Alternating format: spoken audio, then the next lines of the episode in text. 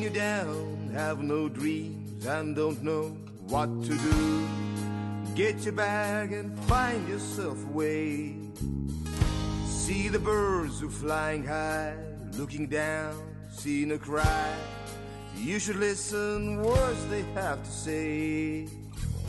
When you feel you have no wings, all the land seems so far away, far away, far away. But you always have your dreams. You don't only have to hesitate, don't hesitate, don't hesitate. Yeah. Up your head and back your head, clear your mind, and if you dare, get up and climb the nearest roof. Don't think long, just spread your arms and jump. et meil just ha- hakkas uus hooaeg siin pihta ja esimese asjana siis äh, meie sponsor, kes oli ka saates, esindab ettevõtet nimega Annabis kanepitooted, mille lehekülge te hetkel oma ekraanide peal näete ja siin on siis äh, väga looduslikust toorainest, milleks on siis kanepiõli, mida kasvatatakse koha peal. Ja nüüd on mul siin laua peal ka mõned tooted, mida ma siis saaksin teile näidata, siin on siis selline toode nagu Atrocan, mis on mõel-, kõik tooted on mõeldud kõikidele vanuserühmadele, see aitab siis liigesevalude vastu, äärmiselt populaarne määre. see on huultele lipscan, see on šampoon, panen need, need siit kohe, nii, siis on handcan, mis on käte peale määrimiseks ja kõigile tuttav oomega kolm õli, seda saab siis juua, pähe valada, vanni kallata, kõike teha sellega, väga multifunktsionaalne. kõik mõistliku hinnaga Eestis saadaval, ostke ja toetage saadet. niimoodi, ja nüüd siis saate juurde. et äh, täna on meil siis külas taas kord Tanel Tammet, tervist! tere, tere! ja saade number kakskümmend kaks, Vabriku seminari podcast ja tehisintellekt, noh, Tanel on siis arvutiteaduste professor TalTechis, on õige nii? jaa, jaa.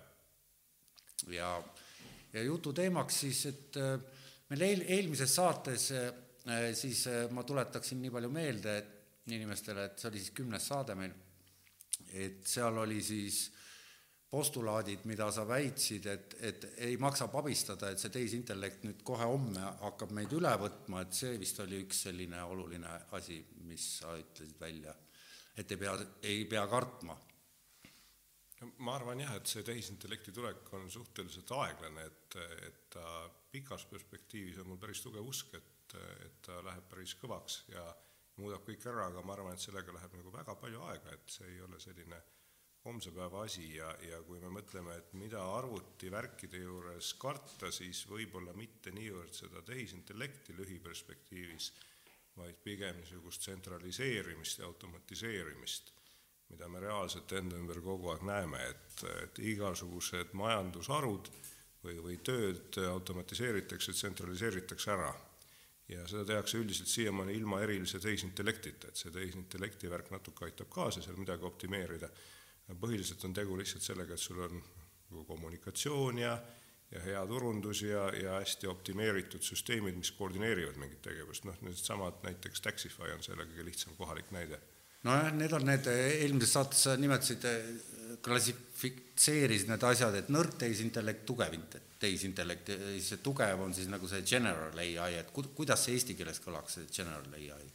Ma, ma isegi ei tea. et see öelda, ju et... välistab selle tsentraliseerimise või vastupidi, tsementeerib seda, kuidas sellega ma, ma arvan, et see, see tunne, mis inimestel on, on see, et kui niisugune päris tehisintellekt tekiks, mida me peame noh, noh, selliseks nagu inimestel on või kõvemaks, et siis äh, kogu ühiskond muutub kardinaalselt ära, et kõik see, mis praegu on, see sellisena püsima ei jää, isegi küsimus tsentraliseerimisest ta ei muutu päris mõttetuks, aga me ei oska vastata, me ei, me ei tea üldse, mis siis juhtub, aga ma arvan, et me oleme sellest veel ikkagi väga-väga kaugel. nüüd praegu me räägime ikkagi sellistest, ütleme, ühele kindlale asjale, nagu sul oli eelmises saates see näide, see male, et, et, et, et aru, et sellel on isegi andmemahtusid vaja, et, et see tehisintellekt õpib ise mängimise ajal, toodab seda nii-öelda sisu, mida ta õpib no just jah, ja, ja, kui sa õpid näiteks mingisuguseid inimeste nägusid või pilte kassidest ja koertest, siis on sul vaja hirmus palju andmemahtu, kus on lihtsalt öeldud, et see on nüüd see inimene ja see on nüüd kass ja see on nüüd koer. ja kui neid väga palju on, siis seda põhimõtteliselt tehisintellekt teeb lihtsalt hästi head tüüpi statistikat ja vaatab, et see on nüüd rohkem selle moodi, mida me sildistasime kassiks või see on rohkem selle moodi, keda me sildistasime Toomaseks. okei okay aga need äh, isejuhtivad autod, millest meil ka oli juttu, sa, sa väitsid, et need, need ei ole veel niipea, ei, ei, ole tulemas, samal ajal me loeme uudistest, et, et nad justkui on juba olemas. et, et seal mul tekkis, jäi küsimus õhku rippuma, et, et on või ei ole siis? no see optimism, ma arvan, mis oli veel umbes nii viis-kuus aastat tagasi, et kohe paari aasta pärast on meil need siin enda ümber igal pool, et see optimism on peaaegu täitsa ära kadunud, et, et enamus neid isesõitvate autode tootjaid, välja arvatud Elon Musk, kes on, on niisugune hoopis iseräkk vend, et enamus nendest arvab, et sinna läheb nüüd väga palju aega, et see ei ole nüüd kiire tegevus, aga et ta kogu aeg paraneb, et noh, me võiks öelda, et meie ümber on, on üha rohkem selliseid juhiabilisi, mis suudavad hoida natuke rada, peale selle, et hoiab ühtlast kiirust, ja ma olen päris veendunud, et see juhiabiliste levik läheb üha suuremaks, et seda rada hoidvate Eh, rada hoidvate autode hulk kasvab, nende autode hulk, mis suudavad ise parkida, nende arv kogu aeg kasvab ja need lähevad vaikselt paremaks, et selles ma olen päris veendunud, aga aga et ta sõidaks sinuga rahulikult eh, kord nädalas Tallinnast Tartusse, mis tahes tingimustel, ma arvan, et sinna läheb, sinna läheb võib-olla isegi aastakümneid. nii et küsimus on ikkagi, kas see on nii, et, et, et kui hästi lihtsaks püüda seda seletada, et, et päev, millal rool täiesti ära kaob, on veel kaugel? see on kaugel nii et siis, aga kui see rool ära kaob, siis automaatselt eeldab see seda, et tekivad tasulised alad, kus on inimesel lubatud äh, rooliga autoga vanakooli driftimisega tegeleda ja nii edasi, et, et siis ju sisuliselt peaks olema keelatud sul autoga seal liikuda, kus need ilma roolita autod on, sest sa oled ju ohtlikum kui see teisi, saan ma õieti aru? see, ma ei tea, ma, ma ei tea, mis siis juhtub, kui see hetk kunagi kätte tuleb, et et need päris igapäevaselt isesõitvad autod igal pool kogu aeg on, et ma ei kujuta hästi ette, ma ei ole väga veendunud, et aga mis see takistab, praegu ju meil siin Mustamäel mingid bussid sõidavad ringi ja, ratast, et mis need siis on? Või... ei, ei, see on kõik õige, aga noh, sa võid noh, mõelda umbes, et, et kui juhtub midagi ootamatult või on pime, ei ole väga hästi näha, siis nad lihtsalt ei saa hakkama Nad sõidavad kuhugile otsa või teevad äkkpigurduse ja keegi sõidab neile tagant sisse või nad lihtsalt ukerdavad kaks kilomeetrit tunnis edasi. nojah, ma, ma vaatasin mingit äh, saadet, seal oli, et kui, et kuidas nad tunnevad ära, et takistus on ees, et kui inimene on, ütleme, kamurõivastes või, või no laigulises kostüümis näiteks, et, et auto ei tee vahet, et on loodus või inimene, et, et seal on mingid sellised küsimused, see just seesama tuvastuse küsimus no tuvastuse küsimus on üks ja mitte ainukene, aga see tuvastuse küsimus noh, on iseenesest juba nii keeruline, et ega need praegused äh, pildituvastussüsteemid, mis iseõppimist teevad, nad äh, selliseid ebaharilikke olukordi põhimõtteliselt ei oskagi tuvastada, sellepärast et noh, neid ei ole neile õpetatud. Nad õpivad seda, kus sa annad neile hästi suures koguses datat ette, ütled, et nüüd on see olukord ja sa pead tegema nii. oota, aga see on siis ikka nüüd masinõppe teema? masin, see on masinõpe. masinõpe? Et, et, et eelmine kord jäigi kuidagi lahtiseks masinõppe ja tehisintellekti, et sa ütlesid, et tehisintellekt on juba see, et üks inimene ei suuda seda kohvitassi valmis teha või arvutit või raketti no,, aga me võime, me võime nii ka mõelda. sotsiaalne ühiskond juba suudab, et see ongi evolutsiooniline tehisintellekt. me võime nii ka mõelda, et see on see, kuidas sa seda nimetad, eks ole, ma arvan, seda mõtet on alati kasulik peas hoida, et mõelda, et et, et ühiskond tervikuna on ka tehisintellekti moodi asi ja see on juba ammu olemas, eks ole, noh, see ei ole päris see, mis me mõtleme nüüd isesõitva auto juures, aga, aga, aga see on selline noh, taustaks hea tähelepanek või hea mõte kogu aeg hoida. aga mõtlen..., aga nüüd see iseõppimise teema, sellega on muidugi lihtsalt see, et ta on üks oluline osa kogu sellest tehisintellekti kaardivärgist ja igasuguseid teisi on veel ja ja noh, kui nii palju, kui me teame inimese ajust, siis aju sees on väga palju erinevaid kaadervärke, mis on spetsialiseeritud üheks ja teiseks asjaks ja mõni on natuke üldisem ja mõni on vähem üldine et seal ei ole sellist ühte lihtsat algoritmi, et inimese aju ei ole lihtsalt õppimise masin, et et ta on päris, päris mitmekülgne. kaugel me üldse oleme aju-uuringutega? väga algseisus, et tegelikult on niimoodi, et et et peaaegu mitte midagi sellest, et mida, kuidas aju tegelikult mõtleb või mäletab, ei ole teada, et isegi seda, et kuidas mälu töötab, et kuidas noh, mälestused tulevad sulle, see ei ole teada, see ei ole peaaegu üldse teada. ja et noh, see, see, see, see oli ka eelmises saates meil teemaks, et et nüüd hakkab, homme ilmubki esimene, esimene noh, Kes kus siis esimene rubriik siis pealkirjaga äh, jagatud uudishimu, kus siis meie eelmise saatest on üks lõik ja seal, seal on sellest juttu, sellest mälu, mälu, et kus mälu asub ja et, et kas ta üldse asub ajus või asub ta väljaspool aju, et see, see hard problem, et, et see on ju tegelikult lahendamata asi. Et me, me ei saa seda no ma noh, see küsimus sellest hard või soft problem'ist on omaette probleem, et kas see on üldse mõistlik probleem, aga no see on nii või teisiti spekulatiivne. mis mõttes, kas ta mõist-, on minu, minu jaoks on see väga suur küsimärk, et pigem ma olen seda meelt, et teadvus asub väljaspool aju, kas on mingit sinu arust tõsiseltvõetavat argumenti, et aju toodab teadvust ka või? ma arvan, et see on üld, pigem üldlevinud arvamus nende inimeste hulgas, kes selle ajuvärgiga tegelevad, nad üldiselt kalduvad arvama, et, et aju toodab teadvust, jah. noh, nad tõenäoliselt ei arva kõik, et see, nad, nad kindlasti teavad, kuidas see toimub et võib-olla ei ole nii, et aju toodab teadvust, aga see on pigem, pigem selline standardarvamus, mis ei tähenda, et see tingimata õige on. aga mm., aga nüüd noh, nii või teisiti, kuidas aju ka lihtsamaid asju teeb, ma ei räägi üldse teadvusest, kuidas ta lihtsamaid asju teeb, kuidas ta lihtsalt mäletab midagi, kuidas tulevad mingid asjad meelde, mis sa oled õppinud, see on täiesti teadmata praegu et ka kõige lihtsamad asjad on ajus tegelikult teadmata. oota, mida me siis teame, me näeme EEG-ga, et mis ajuosad aktiveeruvad, kui ja. inimene midagi teeb ja see on siis milline vere hulk? no me teame, me teame umbes kahte, nagu ma ütleksin, ütleks sellist hästi väikseid asju me teame päris palju, et sa võid mikroskoobiga uurida, kuidas see rakk töötab ja et signaalid levivad ja mismoodi mismoodi üks neuron on teisega ühendatud, et seda uuritakse kogu aeg ja sellest on päris palju teada. nüüd sellegipoolest, ega me tegelikult ei tea, kuidas rakud üleni töötavad, rakud on väga keerulised asjad, et noh, nendest on küll palju teada, aga väga palju on ka lahtist. ja nüüd teine ots, selline makrotasand, et kuidas see aju tervikuna töötab, siis selle koha pealt on teada umbes just see, et et sa võid, sa võid inimese aju siis uurida, vaadata, et kus kohas tal veri parasjagu rohkem liigub, et see on see, mida see kas see on see, mida elendavad just, just, see on see, mida elendavad piirkonnad. Ja need noh, seal on lihtsalt see, et kui mingi ajuosa rohkem töötab, siis sinna pumbatakse rohkem, rohkem verd loomulikult. Ja, ja seda on võimalik mõõta. Ja nüüd selgub, et, et noh, seal ei ole niimoodi, et mingi üks ajuosa teeb ühte asja, teine teeb tingimata teist asja, see kogu aeg muutub ka, et ühel inimesel, noh, kui ta mõtleb mingist asjast, siis tal võib-olla täna läheb üks asi rohkem elendama, homme läheb hoopis teises kohas mingi asi elendama. aga sellegipoolest neid mustreid saab, saab jällegi näiteks masinõppega või mingisuguse muu statistikaga õppida ja küllalt noh, isegi täitsa usutavalt tihtipeale ennustada, et nüüd, kui me näeme sellist mustrit ajus, et need ja need kohad siin edendavad rohkem ja need vähem, et mis asja peale ta parasjagu umbes mõtleb või, või mis, mis vaimset pingutust ta teeb, et seda, seda on päris noh, täitsa mõistlikult võimalik tuvastada, muidugi vigadega, aga, aga kuigivõrd on võimalik, aga see ei tähenda, et me saame aru, kuidas see mehhanism tegelikult töötab.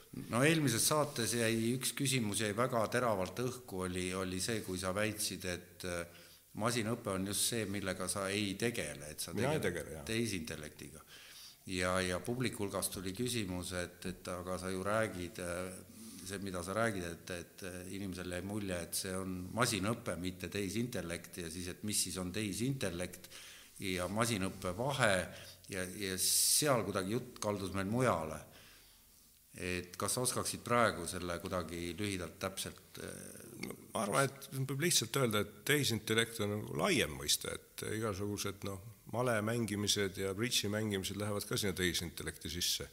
no sa ütlesid, et Siri, Alexa, kõik need on need, nagu väga mainstream tehisintellekt. Need on kõik väga mainstream tehisintellekt ja, ja nüüd see masinõpe on tehisintellekti üks osa, üks osa paljudest, aga ta on lihtsalt viimasel ajal väga kiiresti arenenud ja hästi nähtav meedias ja, ja nüüd Siris ja Alexas ja nendes asjades kasutatakse ka masinõpet päris paljudeks asjadeks, aga mitte ainult, nii et, et masinõpe on lihtsalt nende üks meetod. aga ikkagi ma ei saa aru, mis see vahe on, et, et ta ju korjab andmeid, Siri korjab andmeid, ma küsin, näiteks guugeldan häälkäsklusega mm, ongi mm, Siri mm, funktsioon. Mm et, et No jaa, kus keegi- see tehisintellekt seal või mis see intellekt üldse keegi on? on sinna programmeerinud, et mida ta üldse peab tegema, et, et kui ta näeb mingit sellist laadi mustrit või seal oli varem mingi selline asi, et siis tõenäoliselt inimene tahaks midagi osta või tahaks midagi teistsugust osta ja nüüd selle optimeerimine, et ta nüüd paremini ja täpsemini aru saaks, et seda on kõige mõistlikum teha masinõppega.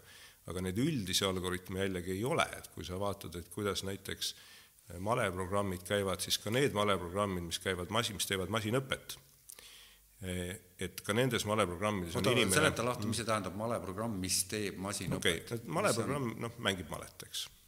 Ja Iseendaga siis oli see? no näiteks sinuga, sa võid ju võtta Okei. arvutis, paned Jaa, käima, mängid seal endaga, eks ju jah. ja, ja nüüd maleprogrammis on selgelt, on mingi programm, mis teab, et kuidas käike tehakse, seal on programm, mis oskab neid eh, tuleviku seise genereerida, eks ole, kuidagi hinnata seisu ja nii edasi, need klassikalised maleprogrammid täpselt nii töötasid, et programmeerija seal hästi hoolsalt ja kavalalt mõtles välja, kuidas neid seise genereerida, kuidas neid hinnata, kõike seda teha, eks, töötab päris hästi, ja nüüd masinõppe tähendab siis seda, et, et lisaks sellele me paneme selle, selle programmi iseenda vastu mängima, noh, ütleme, praktikas tähendab seda hästi palju partiisid ja siis ta optimeerib seda programmi, mida inimene algul ette kirjutas. et ta hakkab äh, muutma mingisuguseid parameetreid, koefitsiente, ütleb, et siit seisust tuleb tegelikult rohkem käike proovida läbi, kui sa, kui see programmeerija oli öelnud, ja oskab ennast täiustada, lihtsalt proovides ühte strateegiat teise strateegia vastu nii et, aga selle alus on tüüpiliselt ikkagi see, et keegi inimene programmeeris selle värgi sinna sisse. ei no aga kui, nüüd ma vabandan mu ebakompetentsust, aga ma kuskilt lugesin, et malekäikude arv, arv on umbes sama suur kui universumis aatomite arv, et, et, et see on nagu hästi-hästi-hästi-hästi palju, kümme astmes. Kui sa tahaksid partii, kõikvõimalikud partiid eh, kuhugile kirja panna, siis küll jah, aga aga sul ei ole ju vaja, sa võid ju mõelda umbes noh, kolm käiku ette, siis sa juba mängid enam-vähem talutavalt. no ja ma mõtlengi, et, et siis jah, et, et ma püüan praegu seda, seda nagu mõistatada, et et, et noh, lisaks masinõppele on veel ka deep learning, mis iganes see ja, ka ja ei deep, ole. deep learning on üks tüüp masinõppest, noh, masinõppel nagu paljudel asjadel on, on mustmiljon eri variante, et saab teha ühtemoodi, teistmoodi, iga vend, kes seda masinõpet uurib, mõtleb jälle mingi oma meetodi välja, et kuidas me seda teeme natuke teistmoodi kui teised, eks, mis mingi asja jaoks sobib. ja deep learning on lihtsalt üks spetsiifiline variant masinõppest, mis on piltide ja selliste klassifitseerimisülesannete jaoks osutunud väga heaks aga neid masinõppe variante on, on väga-väga palju, et deep learning on ainult üks nende seast. nojah, sa väitsid, et, et, et, tehisintellekt koosneb, ma ei tea, kümnest erinevast valdkonnast, millest üks on siis jah. teine on mingi teine asi ja et sina tegeled nüüd mingi, just mingi hardcore, sa veel ütlesid tehisintellektiga, et, et mis siis see mida sa kõrvale oled jätnud ja kuidas saab üldse midagi kõrvale jätta, kui eesmärgiks on seesama general day? mina ise ei jätaks midagi kõrvale ja ma kindlasti ei jäta kõrvale masinõpet, aga lihtsalt minu enda fookus ei ole otseselt masinõppes, et masinõppe mõttes ma olen rohkem nagu meetodite kasutaja, mida teised inimesed on teinud, aga ma teen neid teisi asju aga mida sa teed?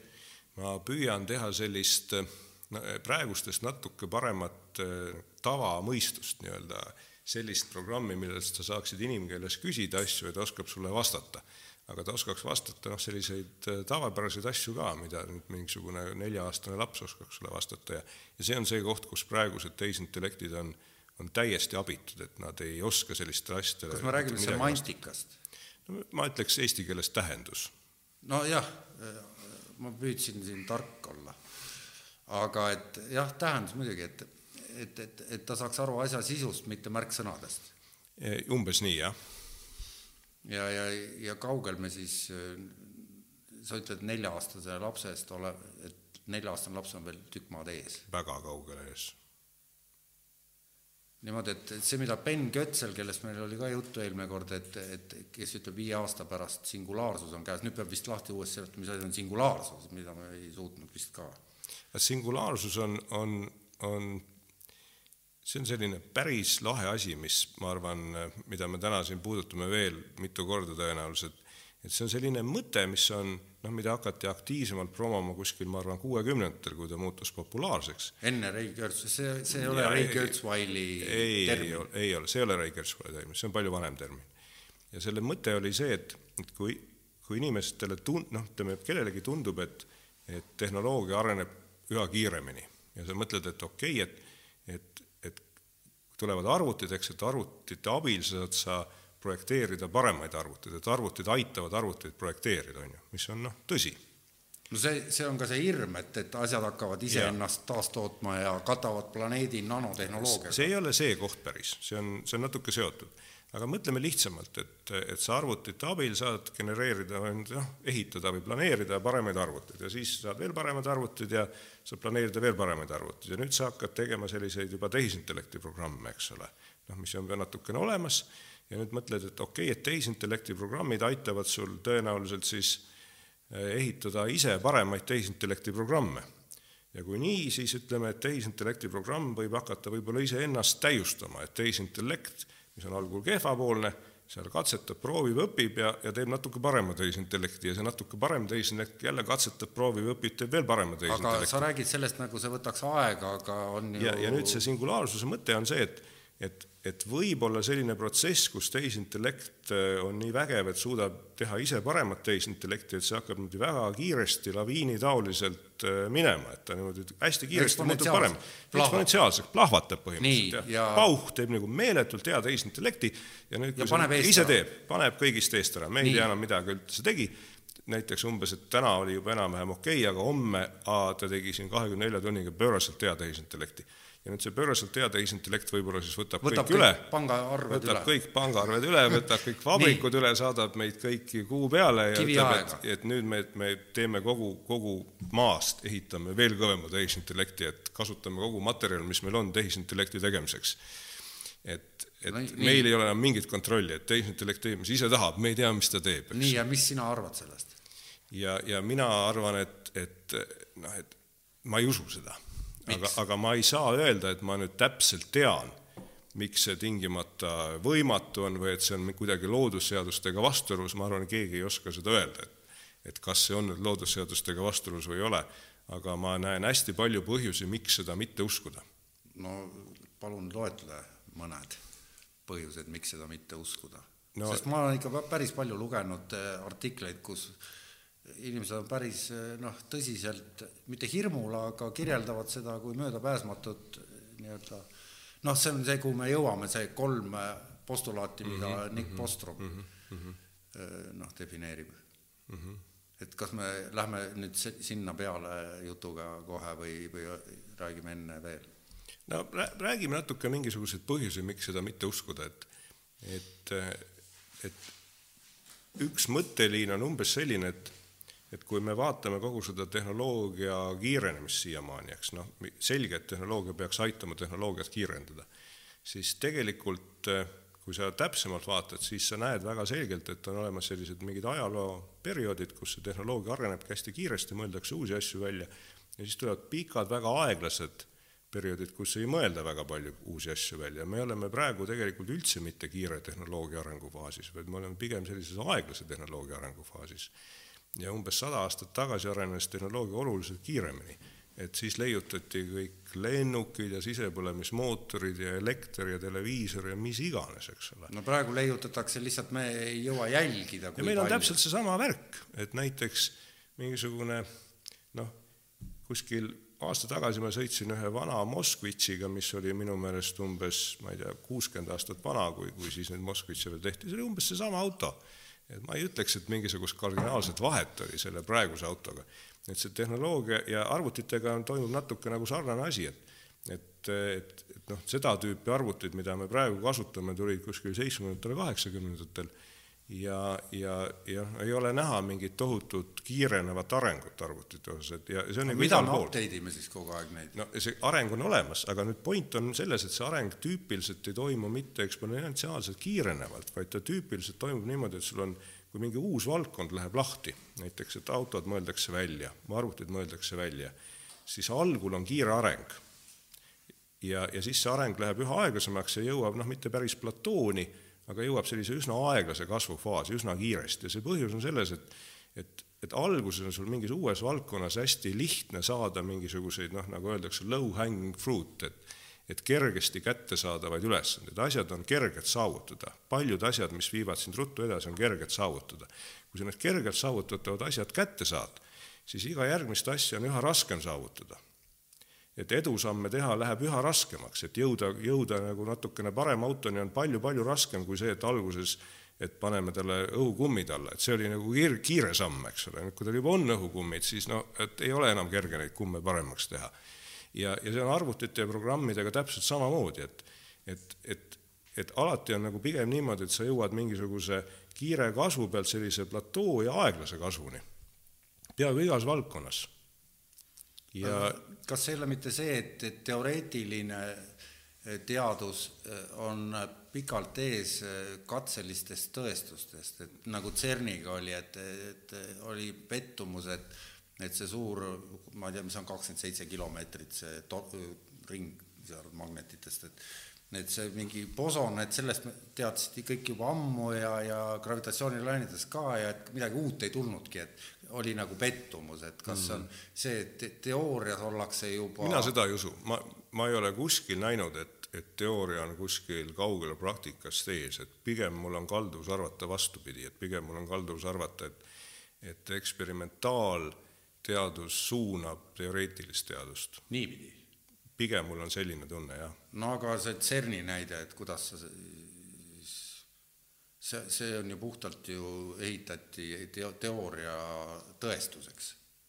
no mitte üheks teooria tõestus, ehitati eksperimenteerimiseks ja see on pigem see näide, et et kui sa mõtled, kui palju raha pannakse eksperimentaalteadusesse versus teooriasse, siis no eksperimentaalteadusse pannakse, ma ei tea, sadu kordi rohkem taha tuhandeid kordi rohkem taha kui puhtalt teooriasse, et see on selle väga elav näide. see on meeletult kallis projekt, kus töötab tohutult palju inimesi ja see on kõik eksperimentaalteadus.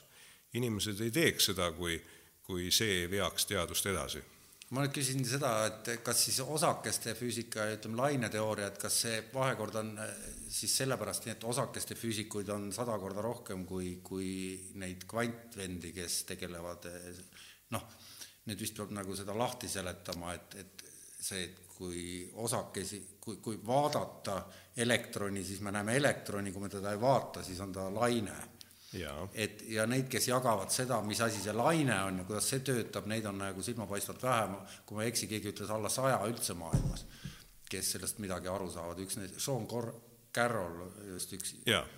rääkis sellest hiljuti ja et aga osakeste füüsikuid on hästi palju, et kõik, see, see on nagu arusaadav, mikroskoobi all on näha, elektron on seal, teeb seda, aga mis see laine on, jälle noh. ma arvan, et füüsikud on kõik umbes noh, esimesest kursusest peale õpetatud olema korraga nii osakeste kui lainefüüsikud, et see on selline no see standard, standard asi, ei tulnud, lainevärk on väga vana. kui vana? no seda ma ei tea, aga kindlasti üle saja aasta. et, et kõik füüsikud on korraga osakeste lainefüüsikud paratamatult. aga miks siis ütles Carroll, et, et need, et, et neid, kes, neid on nagu hästi vähe?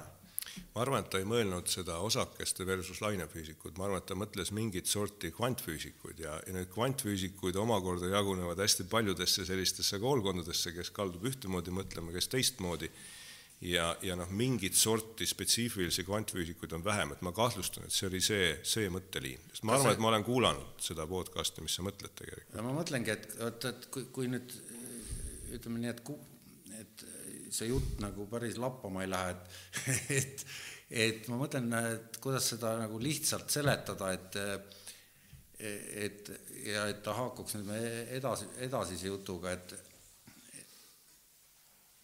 kas siis on nagu samaaegselt on osakesed ja lained, mitte et lained, mis koosnevad osakestest. kuidas on õige öelda, kuidas on õige väljenduda, kuidas on õige hakata uurima? see, see on kindlasti õige, see on see, mida, mida kõik ütlevad, peaaegu kõik, välja arvatud mingid päris ekstsentrikud, et, et korraga on, on igasugusel ainel nii osakeste omadus kui laine omadus.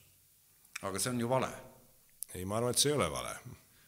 aga kui ma nüüd sedasama nüüd, kui sa ütlesid, sa oled ka vaadanud ilmselt sedasama saadet Sean Carrolliga, et, et, et, et, et või oli see, ikka see oli see, et ei ole samad omadused osakestel ja lainetel et, et no nad käituvad erinevalt, no muidu neil ei oleks erinevalt, muidu poleks mõtet üldse öelda. ja selle ümber käibki kogu see tants, et, et kumb, et ühed väidavad, et üks on nii ja teised väidavad, teine on nii, kuna need on erinevad. ma arvan, et ma arvan, et see tants rohkem käib, käib selle ümber, et et füüsikud pigem arvavad, et selle, noh, et kui me mõtleme tast osakestena või kui me mõtleme lainena, et ju seal on kuskil all mingisugune universaalsem mehhanism või mingi sügavam füüsika, eks mis noh, et kui me seda mõistaks, siis me saaks aru, miks ta niimoodi käitub, et praegu meil on lihtsalt erinevad kirjeldusviisid ja olukord on segane.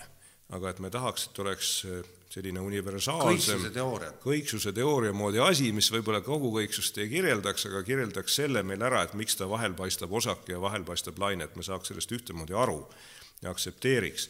ja ma arvan, et selle ümber see tants on väga pikalt käinud, et proovida sellist universaalsemat, universaalsemat teooriat leida. kus me asume praegu selle, selle asjaga?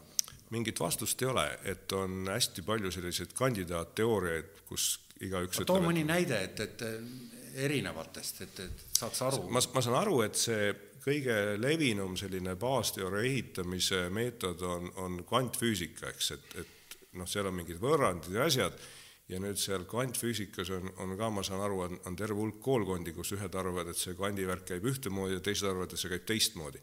aga noh, mina ei ole füüsik, et ma tegelikult ei läheks üritama okay. seletama seda kvantfüüsikat, siin ma jooksen täielikult rappa okei okay,, aga lähme siis selle teema juurde, mis me tegelikult ennem äh, kokku juba varakult leppisime, et äh, hakkame rääkima Nick Postr-, Postromist ja et, et see nime sa eelmises saates mainisid, ma pärast uurisin ja ütleme niiviisi, et, et väga huvitavaks läks. ja nüüd tahaks nagu, esimene küsimus, et kas sina oled selle raamatu, mis kaks tuhat neliteist esimest korda ilmus ja vist nüüd tuli taastrükk mm -hmm. pehmekaaneline, see, mille pealkiri on siis Superintelligence Paths Dangerous Strategies, et, et, et siis superintelligent, intelligents, siis need teed, noh, kuidas paths tõlgid? minevik, ma, ma, ma ei tea. Paths, ühesõnaga dangerous on ohud ja strategies on strateegiad. ja, ja. et, et see on nüüd siis, et see termin superintelligence on tema nii-öelda välja mõeldud termin, sain ma aru ma, ma ei usu, see kõlab natuke sellise üldmõistena, et noh. võib-olla kõigepealt ütlegi või räägigi, nüüd ma annaks nüüd, et nagu monoloogi sulle, et, et, et kes on Nick Bostrom peale selle, et on Oxfordi ja nii edasi, et, et mhm. Rootsi päritolu Oxfordi teadlane, aga et kes ta täpsemalt on, mis ta teinud on ja, ja, ja ta on, ta on, ta, ta on Rootsi jah,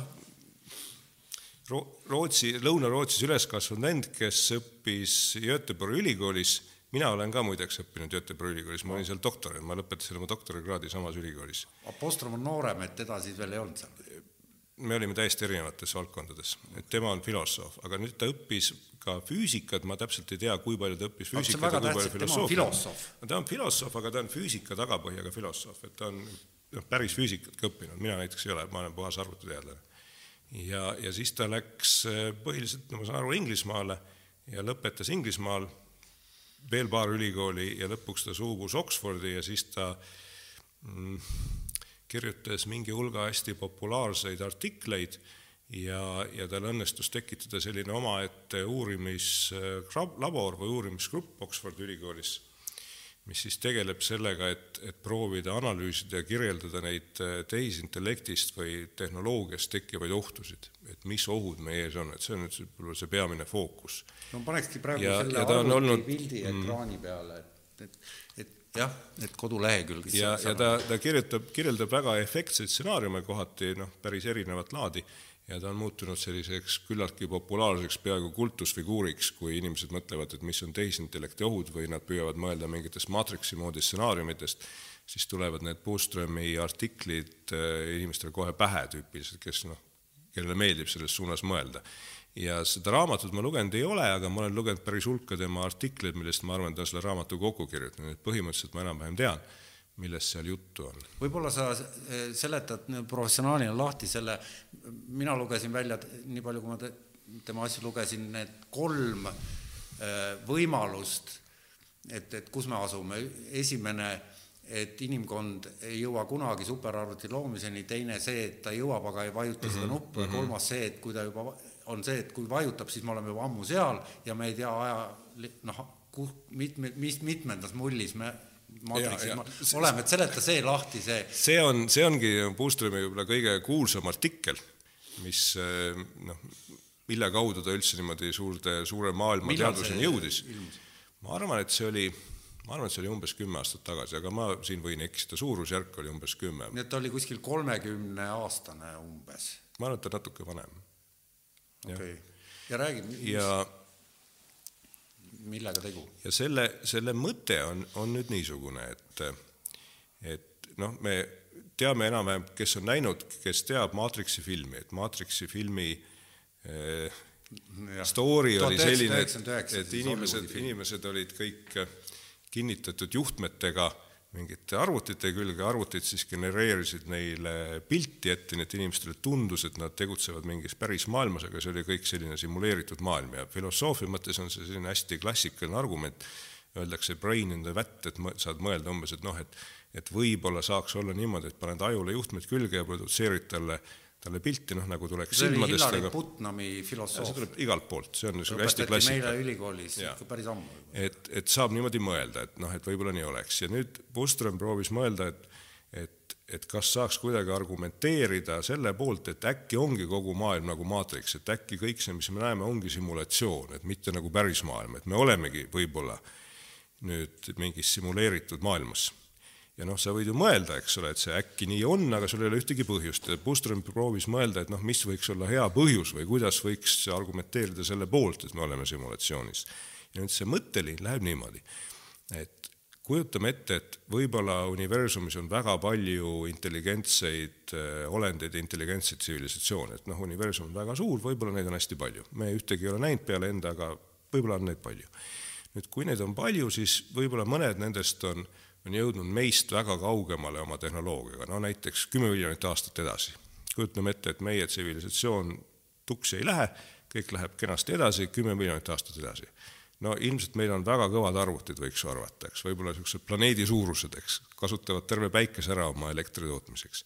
nüüd, kui meil on niisugune tugev võimsus, siis noh, praegu, kui me arvutites jooksutame simulatsioone, see on üks olulisi asju, mis arvutid teevad, et simuleerivad mingeid asju, et saaks ennustada, et mis juhtub, eks noh, näiteks simuleerid silda, et kui paned seal hästi palju autosid sõitma ja tuul puhub, et kas kukub kokku. et see töötab päris hästi, eks ja arvutimängud ka simuleerivad kogu aeg, eks sul on päris lahe ringi joosta, näed nagu päris. ja, nüüd need superarvutid, mida see võimas tsivilisatsioon võiks teha, ilmselt siis simuleeriksid asju palju paremini. ja nüüd Bustrom ütleb, et noh, et kui, kui selline supertsivilisatsioon on, on küllalt võimalik, et ta jooksutab selliseid simulatsioone. hästi palju võib-olla. ja nüüd, kui sul on hästi võimas simulatsioon, siis see simulatsiooni sees olevad sellised simuleeritud inimesed võib-olla hakkavad ka simulatsioone jooksutama et sul on nagu üks simulatsioon teise sees. see on nagu Inception film, et sul on üks uni teise sees, eks ole. ja, ja siis jookseb niisugune pikk ahel. ja nüüd võib, võib ette kujutada, et äkki ongi maailm selline, et on tohutu palju selliseid arvuteid kuskil universumis, kes kõik jooksutavad väga palju simulatsioone ja need simulatsioonid on veel nagu Inceptioni filmi uned üksteise sees. nii et see tähendaks, et on hirmus palju simulatsioone. Ja nüüd, kui mõelda, et, et oletame, et need simulatsioonid on nii hästi tehtud, et sa ei saa aru, kas see on nagu päris maailm või ei ole, kui sa seal sees oled, eks, siis võiks tekkida küsimus, et, et noh, mikspärast meie arvame, et me oleme siin justkui päris, aga mitte üks nendest mustmiljonist simulatsioonist, et kui mõelda, et noh, et et, et kui sul on umbes ainult üks päris maailm ja mustmiljon simulatsiooni ja sa aru ei saa, kas sa oled päris maailmas või selles simulatsioonis, siis tundub ju loomulik mõelda, et noh, tõenäoliselt ma olen mingis simulatsioonis, sest neid on lihtsalt nii palju rohkem. oota, ma nüüd segan vahele, kas sa vaatasid seda Joe Rogani saadet, kus tund aega ta Jaa, esitas ühte vaatasin, küsimust, et jaa. aga kust sa tead, et me ei ole just enne seda nupu vajutamist selles hetkes? ja siis Jaa, ta üritas jaa. seletada, et kui me juba oleme selles hetkes, siis tõenäosusteooria ütleb, et me oleme ammu sealt edasi. jaa, ma vaatasin, see oli väga tore saade. ja see ongi nagu selle argumendi mõte, öelda, et siis võib-olla on hästi palju simulatsioone, et see ei tundu üldse absurdne ja et kui see nii oleks, et siis me tõenäoliselt olemegi päris simuleeritud maailmas, et see ei olegi nagu päris. Ja nüüd võib mõelda, et noh, et mis oleks selle vastuargumendid. Ja need kõige esimesed, mis see Boostrom ise pakub, miks ta ütleb, et on kolm varianti, on see, et, et võib-olla tegelikult ei ole maailmas väga palju arenenud tsivilisatsioone, võib-olla oleme meie, võib-olla on veel tuhat tükki, eks, aga võib-olla neid ei ole nii palju. Mina sain aru, et, et ta väitis, esimene versioon, et me ei suuda teha niisugust arvutit. ei Oot, hakkagi kunagi ja, ja aga see ei ole veel Boostromi argumentatsiooni sees. et ta, ta hakkab pihta selle küsimusega, et võib-olla neid lihtsalt ei ole palju, noh, see on ka täiesti võimalik, eks. et kui neid ei ole palju, siis me ilmselt ei ole eh, simulatsioonis. teine argument on see, et ta ütleb, et aga noh, võib-olla see, et supertsivilisatsioonid lihtsalt ei taha selliseid simulatsioone teha, kus oleks sellised väikesed simuleeritud inimesed, et noh, nad ei näe sellel mõtet või neile tundub see kuidagi eba, eks ole, mis iganes põhjusel. et nad lihtsalt üldiselt ei tee sellist asja, et see võib ka olla, eks siis me ka tõenäoliselt ei ole tsivilisatsionis aga et kui on väga palju tsivilisatsiooni ja kui neile meeldib jooksutada väikeste mehikestega simulatsioone, siis me tõenäoliselt oleme. see on, see on kogu see Boostromi argument oota, siin on nüüd, ma sain siis valesti aru, mina sain aru, et jutt käis sellest, et kas meie oleme võimelised arenema selleks tsivilisatsiooniks. see, see ei ole selle Boostromi argumendi sisu, see on hoopis eraldi teema, et me Aa. võime küsida ja see muidugi noh, see küsimus, kas meie oleme võimelised arenema selleks tsivilisatsiooniks, see puudutab natuke sellist no, võimalikku hirmu tuleviku ees, sest noh, niipea kui need tuumapommid kunagi tehti, siis inimestel tekkis hirm, eks, et noh, võib-olla tuumapommisõda läheb lahti, kõik tapetakse ära, eks, ja siis sa võid hakata mõtlema, et võib-olla see on selline üleüldine oht kõigi arenenud tsivilisatsioonide ees, et kui mingis teises galaktikas on ka arenenud tsivilisatsioon, nad ka jõuavad mingite superpommideni, noh, neil on ka samasugune oht, et äkki tulistavad ennast puruks, eks. Ja, ja et, et võib-olla neid ohtusid on väga palju, et sul on keemiarelvad, sul on need tuumarelvad, sul on veel võib-olla viis erinevat relva, siis võib-olla selgub, et igaüks saab endal kodus teha sellise tuumarelva, eks ole mm.. siis võib-olla selgub, et tehakse tehisintellekt ja tehisintellekt osutub selliseks, kes tahab kõik ära hävitada, eks ole, või laseb need tuumarelvad õhku lennata. et neid ohtusid võib-olla on hästi palju ja võib-olla on niimoodi, et kui mingi ühiskond jõuab mingisugusel tehnoloogilise tasemeni, siis ta tõenäoliselt hävitab ennast ära, et see, see peaaegu alati nii juhtub, et see on ka üks võimalus. aga selle ümber ju praegu käivadki noh, räägitakse, need eh, samad, kellest meil on juttu olnud, ke-, kellel on Elon Musk, Ben Götzl, kellel on niisugused ettevõtted, kes tegelevad eh, tehisintellektiga, et et on ju see, et, et peavad istuma inimesed laua taha, suurriikide esindajad, kes iganes, ja kokku leppima, et kas vajutame või ei vajuta seda nuppu. ja, ja nüüd aga... Puustrom väidab, et me oleme sellest juba ammu möödas, et meil ei olegi siin enam midagi ma, ma arvan, et seda, seda nupu kohta ei ole, et sul ei ole sellist nuppu, mida vajutada et noh, meil ei ole praegu ju see küsimus, et meil oleks mingisugune nupp, mille peale vajutamine teeks tehisintellekti, pigem on niimoodi ei no jutt käib ju, et hoiame teda karbis kinni, ärme lase teda võrku ja nii edasi. no jah, aga, aga noh, meil ei ole seda asja praegu, mida võrku lasta, et see on väga spekulatiivne, et, et, et sellist vägevat tehisintellekti üldse õnnestub teha. ja, ja noh, muidugi on, nagu sa ütlesid, Elon Musk, eks.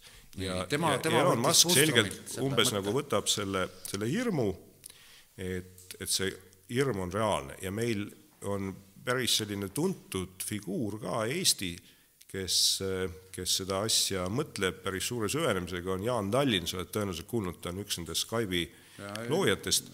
Ja Jaan Tallinn on täitsa aktiivselt, tegeleb sellesama küsimusega ja, ja, ja tegeleb ka sellega, et promoda seda muret, eks ole, et, et ja ta noh, ei arva ka, et, et see nüüd tingimata kohe juhtub, ta ei arva, et see tingimata üldse juhtub, eks, aga ta ütleb umbes, et et noh, et kui on ka üks protsent šanssi, et tuleb selline tehisintellekt, mis võtab kõik üle ja osutub meie inimeste jaoks negatiivseks, et siis me peaks selle ühe protsendi šansiga võib-olla juba tegelema.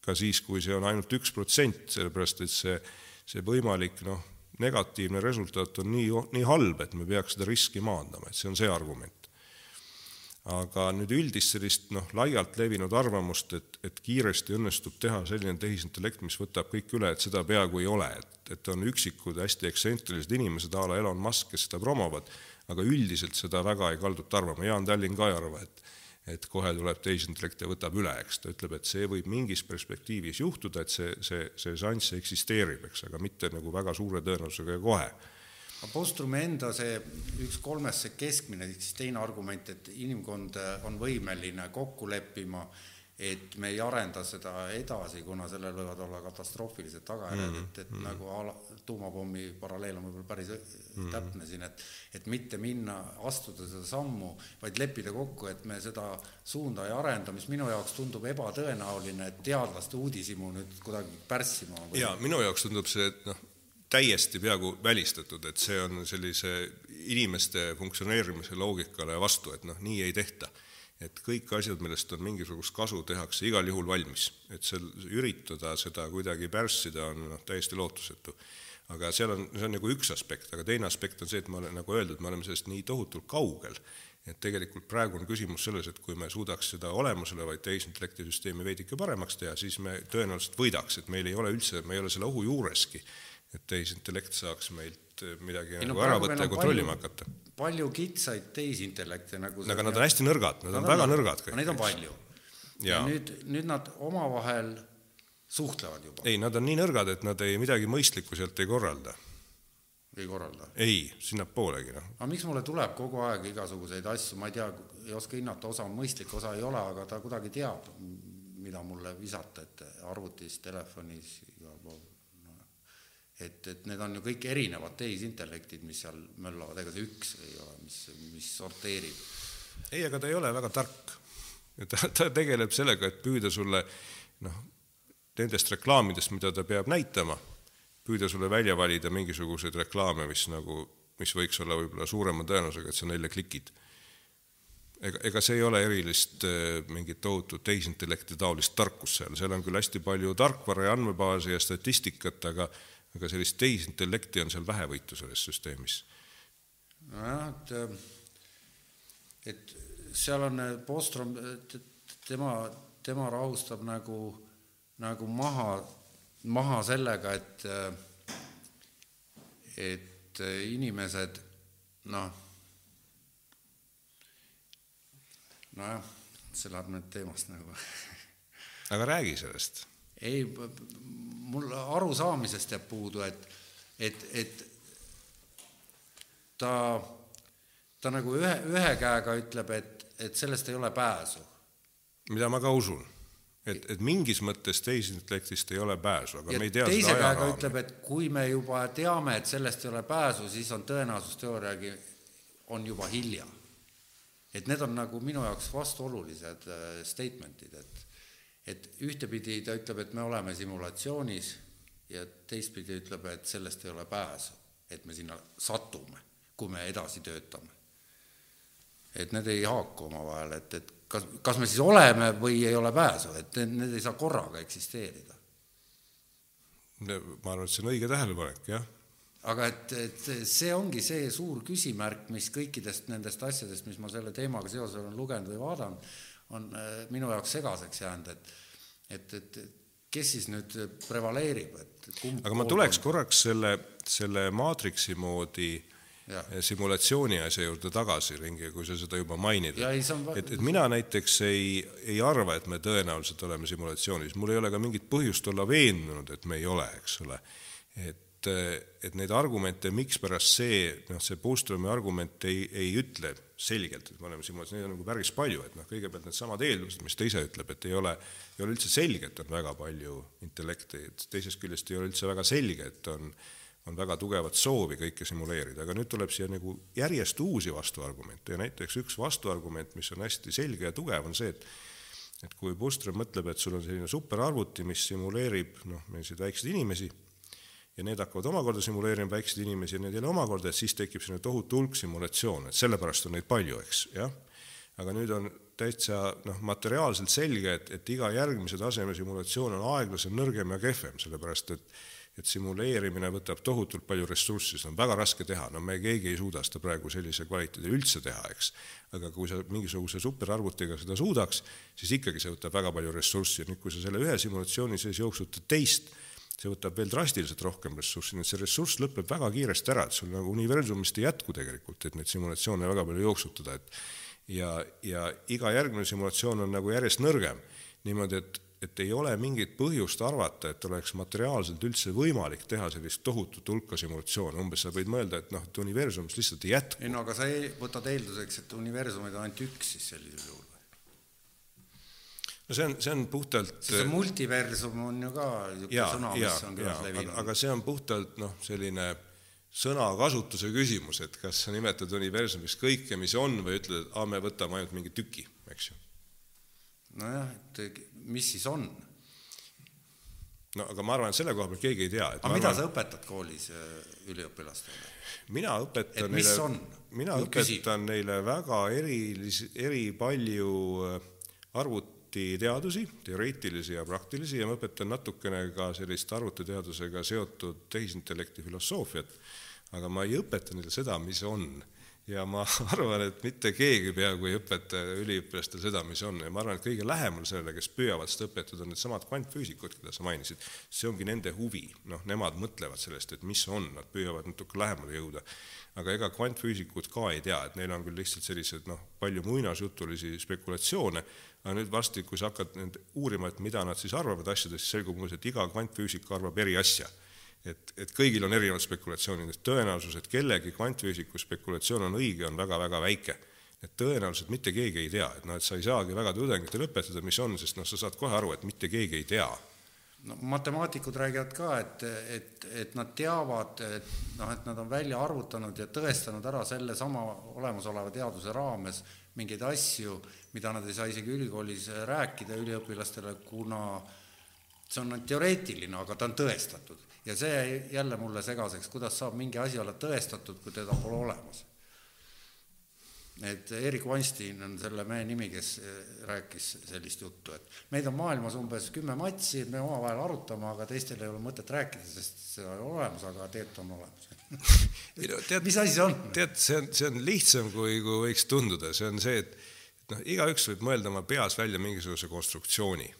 no et sa mõtled välja mingisuguse umbes noh, ma ei tea, mingi kujundi eks, mõtled mingisuguse keerulise kujundi. ja siis hakkad uurima, et okei okay,, et kui ma seda kujundit seal niimoodi lükkan või tõmban või panen sinna juurde, et mis noh, variandid on umbes, eks. ja, ja siis mõtled, et okei okay,, panen sinna ühe nurga juurde, et siis ta läheb nagu natuke teistsuguseks ja, ja siis sa võid hakata tõestama, et no mis sa selle kujundiga seal saad teha, eks, ja siis, kui see läheb sulle igavaks, siis mõtled, et no me natuke muudame seda kujundit, teeme natuke teistsugust, uurime, et mis me selle kujundiga saame, see on tema enda peas välja mõeldud mingi kujund. Ja sellega matemaatikud üldiselt tegelevadki, et nad Oota, mõtlevadki selliseid kujundeid välja. kasutasid väljendit peas välja mõeldud. nüüd me jõuame teaduse juurde ikkagi, et kui, kui näiteks mina olen seda meelt, et aju on vastuvõtja. matemaatiku info... jaoks ei ole, vaata, mina olen hariduselt matemaatik, ma olen küll rakendusmatemaatikat õppinud, eks, aga ma täitsa tajun, mida sellised puhtmatemaatikud teevad. ja puhtmatemaatikud mõtlevad ise asju välja Nad ei, nad on no, nagu kust sa tead, et nad ise mõtlevad? ma tean, sest mina olen matemaatik. no aga kust sa tead, et sa ise mõtled? no vaata, kõige selgem analoogia on võib-olla kunstiga, et, et sa mõtled, et, et okei okay,, et ma hakkan mingit maalijoont tegema. no inimesed kujutavad ette, et maal seal pläkerdad sinna, eks ole, sa võid püüda teha asja, mis on nagu päris asjade moodi, teed sellise fotorealistliku pildi, või sa teed asja, mis inimesel mingit emotsiooni tekitab, või sa teed mingi abstraktse pildi, eks ole, sul on nagu vabad käed, sul on tühi lõuend, sa võid hakata sinna igast asju panema. Ja sa võid sinna joonistada ka lihtsalt sellise suure valge ruudu, panna sinna väikese punase ruudu. ma võin, aga ma ikkagi ja, lõpuks teen aga, ühe asja. aga, aga need asjad, mis sa sinna paned, on eeskätt need, mis su peast tulevad, et kui sa mõtled, et aa, ma teen sinna valge ruudu ja sisse teen väikese punase ruudu, siis see ei ole nagu, et sa vaatad ringi, vaatad, aa, ma nägin valge ei, ma ei ruudu, vaata ringi, aga see, kus mu pähe tuleb idee, et jutt käib ju sellest, et ka mina väidan, et aju on vastuvõtja, ma väidan, et idee tuleb kus, kusagilt. nii mitte aga, aga, mina ei, minu jaa, okay. keemilised protsessid, ütleme, dopamiin, mis iganes. aga küsimus on, ma arvan, ma arvan, see vahe, vahe, et mis sa pead meile selgitama, et kas sa mõtled, et see idee tuleb sulle nagu silmade-kõrvade kaudu või tuleb sellise eh, noh, mingisuguse teispoolsuse kaudu? oled sa olnud teadust muutvas, muut-, muutunud teadusseisundis? olen. nii, eh, mis asi see on selles kontekstis? Mina arvan, et äh, aju ehitab seda, ma arvan, et aju on erakordselt võimas asi, mis suudab ise ehitada selliseid asju. nii et sina sööd seene ära ja aju hakkab ehitama? ma arvan nii, jah. mitte sa ei saa ühendust mingisuguse mitte, väljaga? mitte, et ma teaks. võib-olla ma saan väljaga ühendust, ma ei ole kunagi päris kindel selles, kas ma saan väljaga ühendust või ei saa.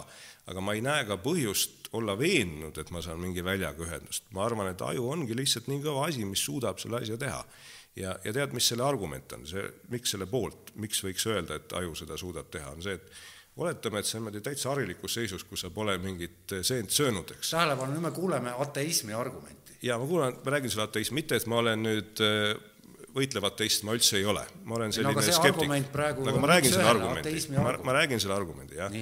see, see argument, mis ma tahan rääkida, on see, et et, et kui sa oled täiesti harilikus seisundis siis sa ju noh, näed enda ümber teisi inimesi, kohvi, käid ringi, eks ole, kõik, midagi näed, saad asjadest aru. ja nüüd kõik see, mis sa näed, eks me ju teame, et see on aju poolt genereeritud hallutsinatsioon sisuliselt, et neid Ei asju, mis oota, oota, neid asju, neid asju, mis sa näed, need, need on sinu aju sees.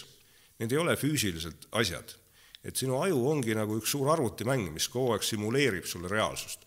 Kõik see pilt, mis sa näed, eks, ei ole see, mida sa, mida see aju tajub, et see aju ei taju täpselt seda, mis silmadest tuleb, aju ehitab sulle ise genereeritud arvutimängu moodi simuleeritud reaalsuse. aju teeb seda kogu aeg, hästi efektiivselt. Ja ta püüab seda noh, ehitada võimalikult nagu realistlikult, sellise eelistusega, et sul oleks sellest pildist kasu, et see oleks sulle hea pilt, et see ei pea olema selline täpne pilt, eks, ta toob mingid asjad selgemini välja, mis on sulle olulised. kust ta selle jõu äh,, power'i võtab, noh, see just, see on väga hea küsimus, kust ta selle power'i jahutama ju kohutama kogu ja, see veega või aga, aga, aga see, et aju seda suudab teha, see on pigem selline peaaegu universaalselt aktsepteeritud asi, mida peaaegu kõik ajuteadlased on veendunud, et ta seda täpselt nii teebki.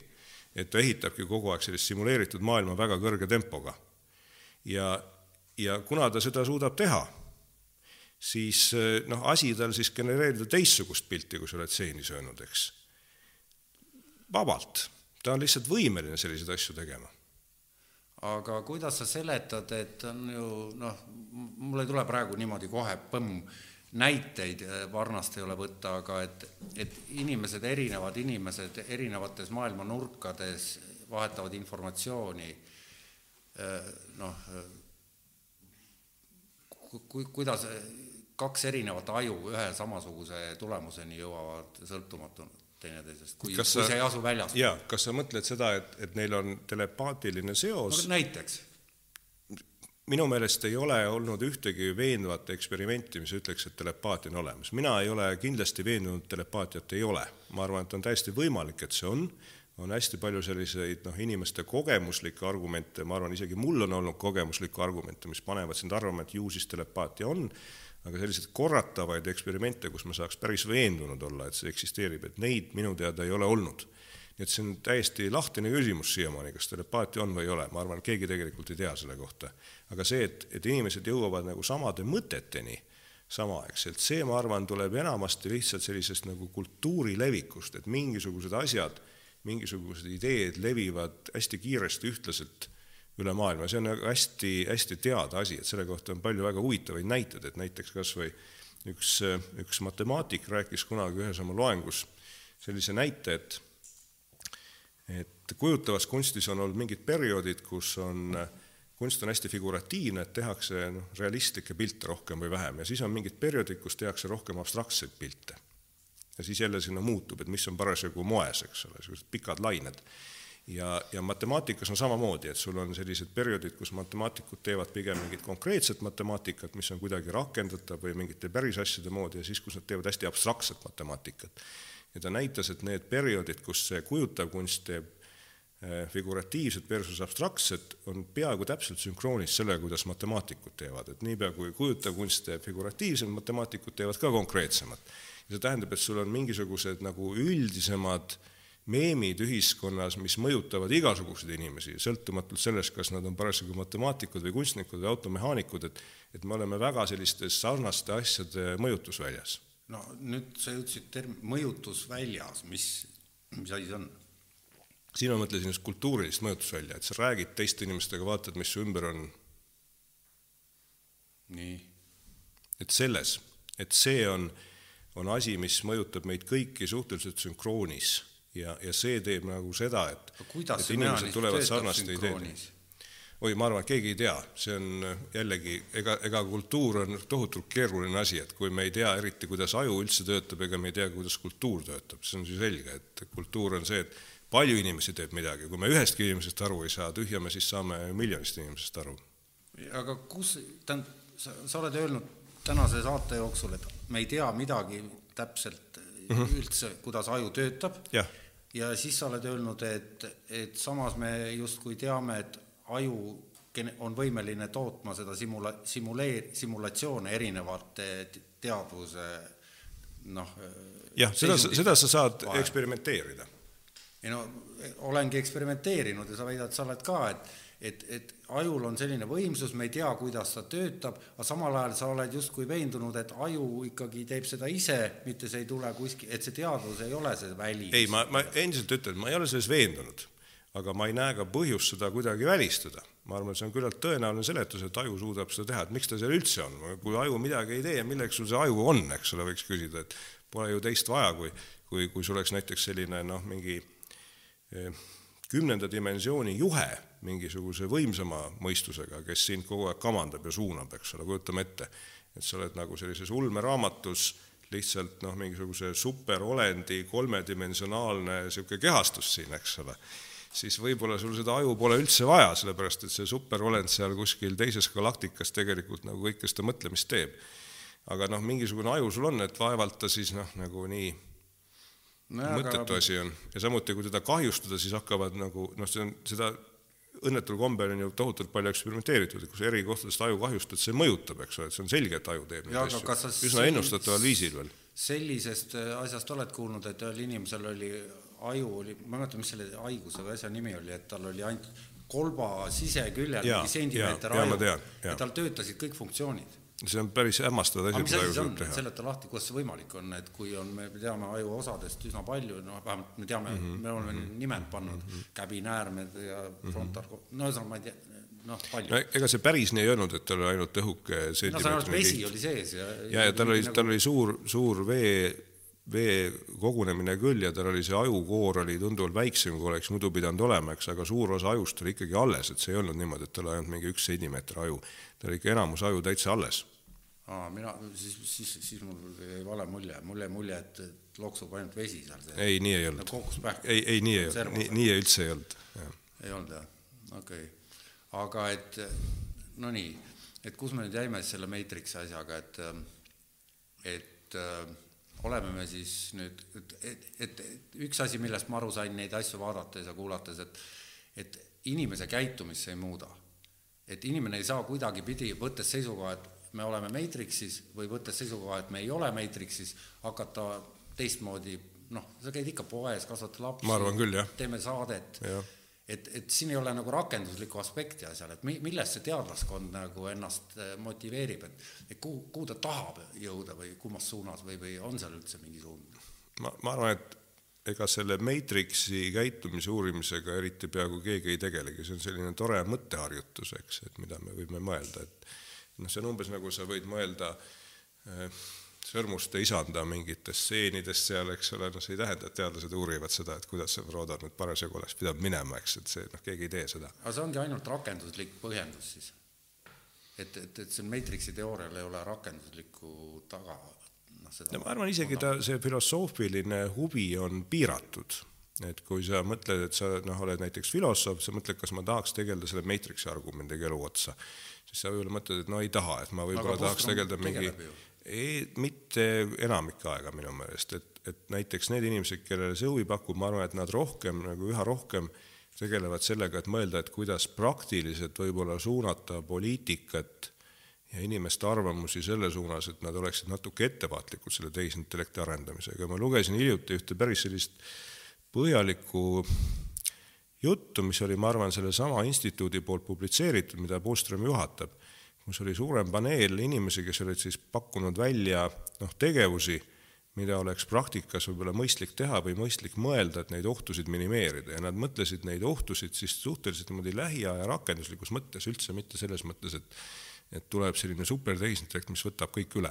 kas sa räägid Vaid, praegu sellest dokumendist, mida kakskümmend kolm teadlast alla kirjutas seoses sellega? ma, ma ei tea, ma arvan, et selliseid dokumente, mida mingi posu teadlasi on alla kirjutanud, on väga-väga palju, et ma ei tea. ise seda siin oma kodulehel nagu mm, ma, ma ei oska öelda, kas see on seesama, igatahes üks nende, üks sellesama, üks sellesama instituudi dokumente eh, tõi järjest välja selliseid realistlikke ohtusid, et need realistlikud ohud on umbes sellised, et noh, et kui need eh, näiteks droonid muutuvad eh, jupikese intelligentsemaks ja me saame palju droone panna korraga inimesi ründama, siis tekib sul võimalus täiesti sellist noh, nagu poest ostetud droonidega tekitada selliseid terroristlikke rünnakuid, noh, mida me oleme näinud, on juba natuke tehtud, eks no,. aga mitte natuke, minu arust see on juba täna reaalsus täiesti. no ei no ta ongi reaalsus, aga see on natuke reaalsus, sellepärast et see ei ole nii, et me iga päev kuuleme, et jälle siin Võrus kedagi tapeti droonidega, et seda õnneks ei ole, aga et see oht on nagu reaalne et, et see on selline asi, mis ei nõua mingisugust sellist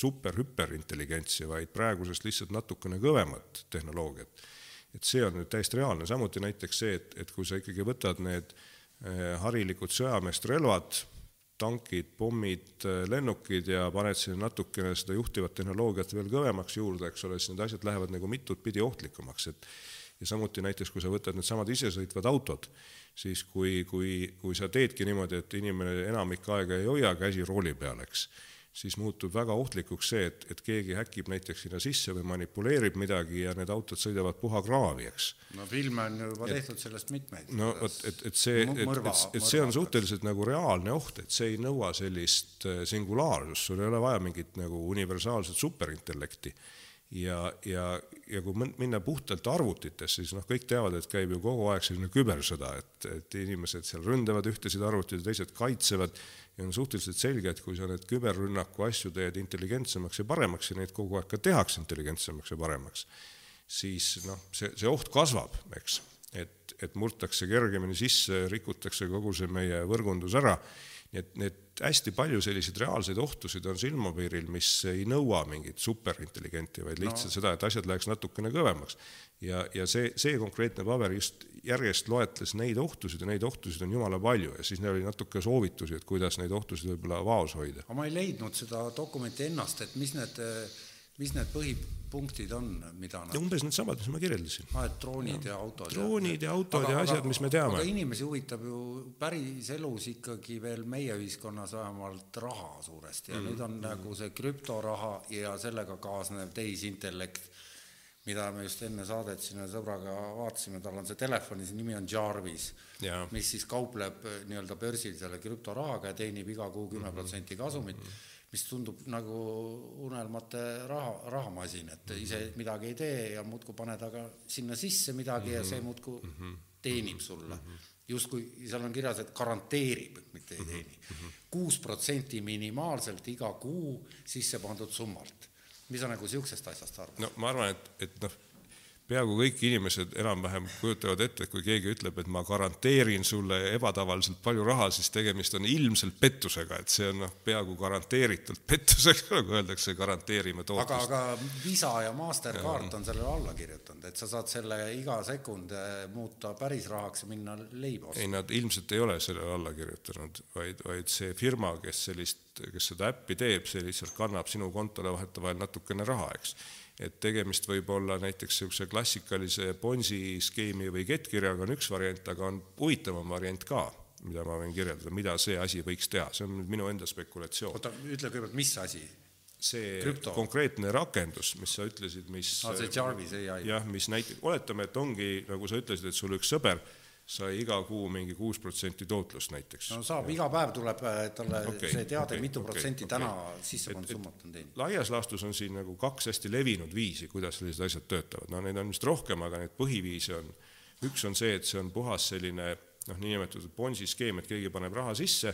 püramiidskeem. püramiidskeem jah, ja siis äh, noh, natukene antakse eelmistele nagu tilgakaupa raha, eks ole, aga, aga kogu potti kunagi ei anta ja lõpuks kõik kaotavad see on kõige tõenäolisem põhjus, eks, aga nüüd võib olla natukene terameelsem põhjus, mis sellisel puhul võib isegi olla, et et, et kuna neid krüptorahasid on hästi palju, enamus nendest on hästi väiksed, siis nende niinimetatud turu sügavus, et kui sa ostad seda nagu noh, nagu aktsiat, eks, et siis ta hind kohe tõuseb, et kui ma seda krüptoraha reaalsete eurode eest ostan, siis tema börsihind läheb üles.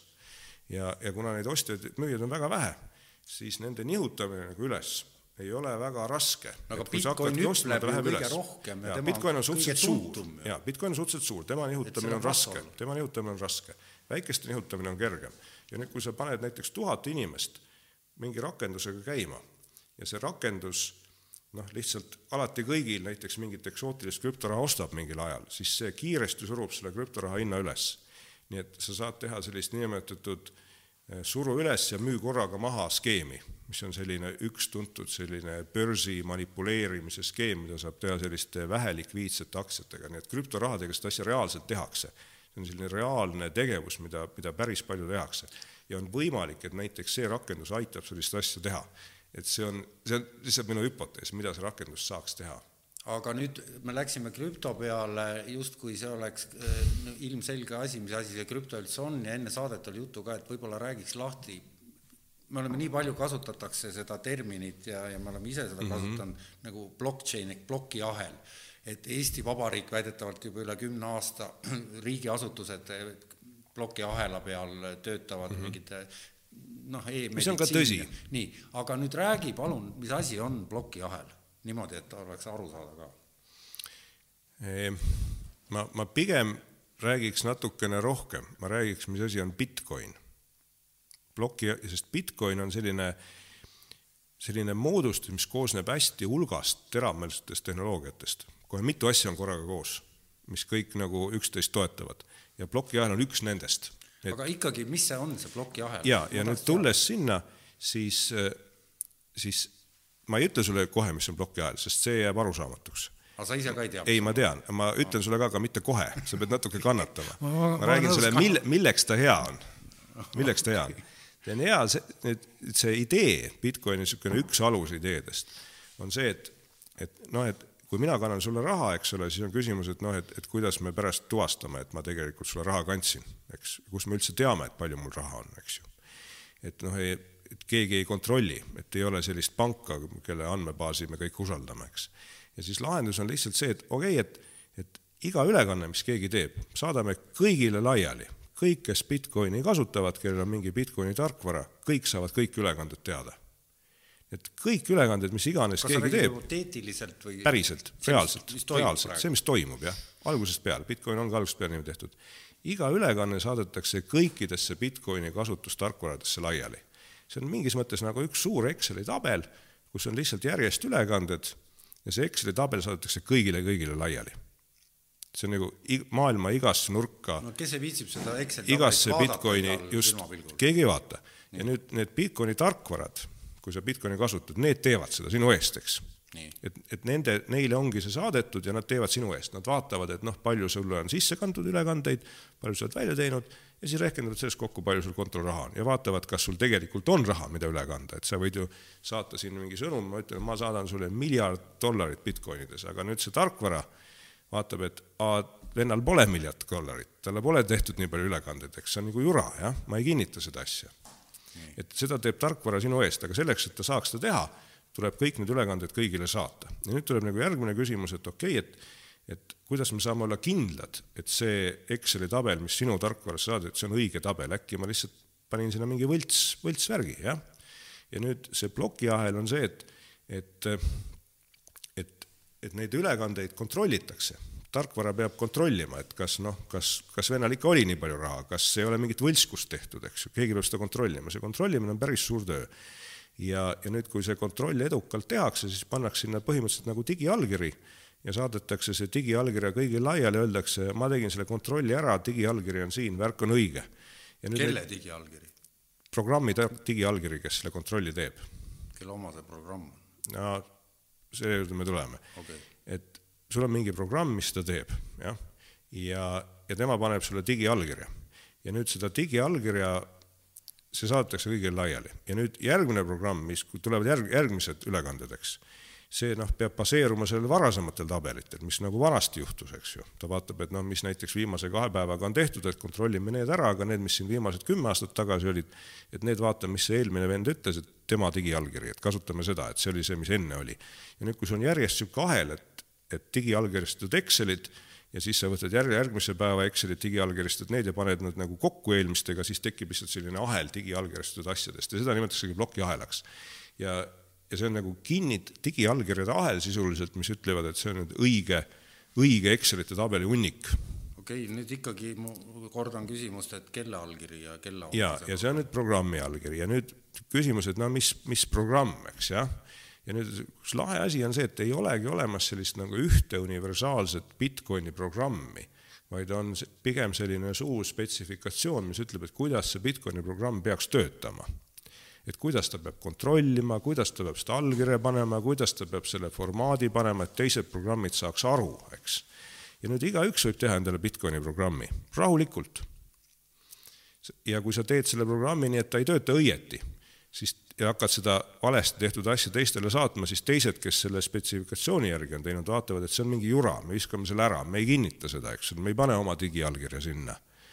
Nad vaatavad, kas see on spetsifikatsiooni järgi tehtud, see asi, mis sa saadad et igaüks võib seda programmi teha, see ei olegi kellegi oma ja neid maailmas levibki päris palju Bitcoini programme, mis teevad, töötavad samamoodi põhimõtteliselt. sa räägid nagu viisil. oleks üks, mis on õige spetsifikatsioonidest, aga kellel need kuuluvad, kes seda autendib? Need ei kes... kuulugi kellelegi ja seal ongi nagu see võimalus, et alati on võimalik, et keegi teeb mingi teistsuguse spetsifikatsiooni ja ütleb, et aa, meile ei meeldi see vana spetsifikatsioon, me teeme uue spetsifikatsiooni, on ju. ja nüüd ainuke põhjus, miks seda ei tehta on see, et kui sa teed sellise uue spetsifikatsiooni ja teistsuguse Bitcoini, eks, siis kõik need senised Bitcoini omanikud, keda on väga palju, need hakkavad ignoma sinu seda uut programmi, uut spetsifikatsiooni, neid ei huvita, eks, nad ei arvesta sinu ülekandeid, sa ei saa nendele raha üle kanda, see on lihtsalt selline sotsiaalne, sotsiaalne süsteem ilma mingisuguse keskuseta, see on see, et need, kellel on Bitcoinid, kes on sellega tegelenud, need on huvitatud sellest, et see süsteem püsiks, et see spetsifikatsioon säiliks et keegi ei läheks seda nagu suvaliselt muutma ja nad lihtsalt eh, ignovad neid, kes teevad midagi muud. oota, siia võib-olla ah,, jah, jah. kas see sisuliselt tähendab, et seda ei saa võltsida? või nad selle kontrollimisega siis veenduvad, et seda ei võltsita? just, just, see on, see on see point, jah, jah, jah, täpselt see nii. nagu võltsimatu süsteem. ja no ma ei ütle, et ta nagu teoreetiliselt võltsimatu, keegi võib-olla seal leiab mingisuguse vea, aga siiamaani ei ole küll kellelgi õnnestunud leida, et pigem on ikka võltsimatu.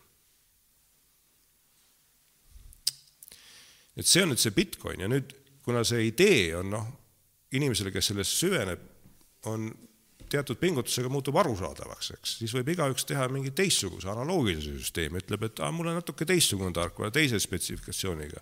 ma alles levitan seda, mul on omad Exceli tabelid, eks ju. ja nüüd sa teed teistsuguse coin'i ja neid coin'e ongi tehtud väga suurtes kogustes, sadu ja tuhandeid. mõned nendest on just hästi väiksed, mõned on suured.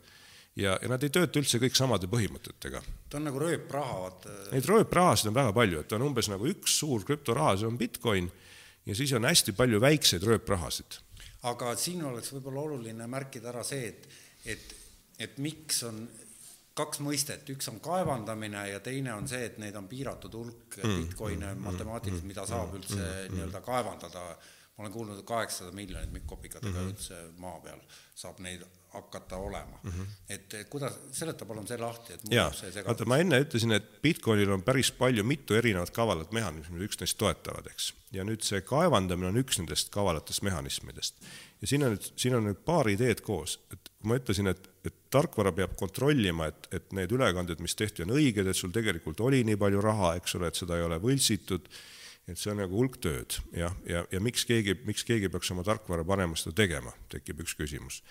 ja, ja nüüd see, see, kui sinu programm hakkab kontrolle tegema ja digiallkirja panema ja seda digiallkirjastatud kontrolli kõigile laiali saatma, seda nimetatakse kaevandamiseks, et sa teedki neid kontrolle. ja nüüd, kui sa neid kontrolle teed ja selle digiallkirjastatud kinnituse kõigile laiali saadad, et, et need siin viimase kahe päeva ülekanded umbes olid õiged siis, siis see Bitcoini spetsifikatsioon näeb ette, et sa võid iseendale raha kanda tühjast õhust. ja ei saanud aru. et, et Bitcoini see reeglistik või spetsifikatsioon, mida kõik aktsepteerivad, ütleb, et kui sina teed selle kontrolli, et siin mingi hulk äh, neid ülekandeid olid õiged, kõik klapib, eks. aga ku, kuidas noh? siis sa võid endale ise nagu tühjast õhust ülekande, ütled, et aa, ma saan juurde Bitcoini, ma saan näiteks ühe Bitcoini kannan iseendale, lihtsalt tuleb üks Bitcoin juurde iseendale kannan, see on nagu minu auhind selle eest, et ma selle töö tegin. aga kui ma tahan kümme? see, see ei vasta spetsifikatsioonile, sest teised hakkavad ignoma, nad ütlevad, et see vend tegi valesti ülekande, me lihtsalt viskame selle tema kinnituse ära. kas mingid lihast ja luust inimesed on, kes jälgivad selliseid protsesse siis? ei, lihast ja luust inimesed teevad programme ja need programmid jälgivad. ja need programmid on usaldusväärsed siis by default nii-öelda?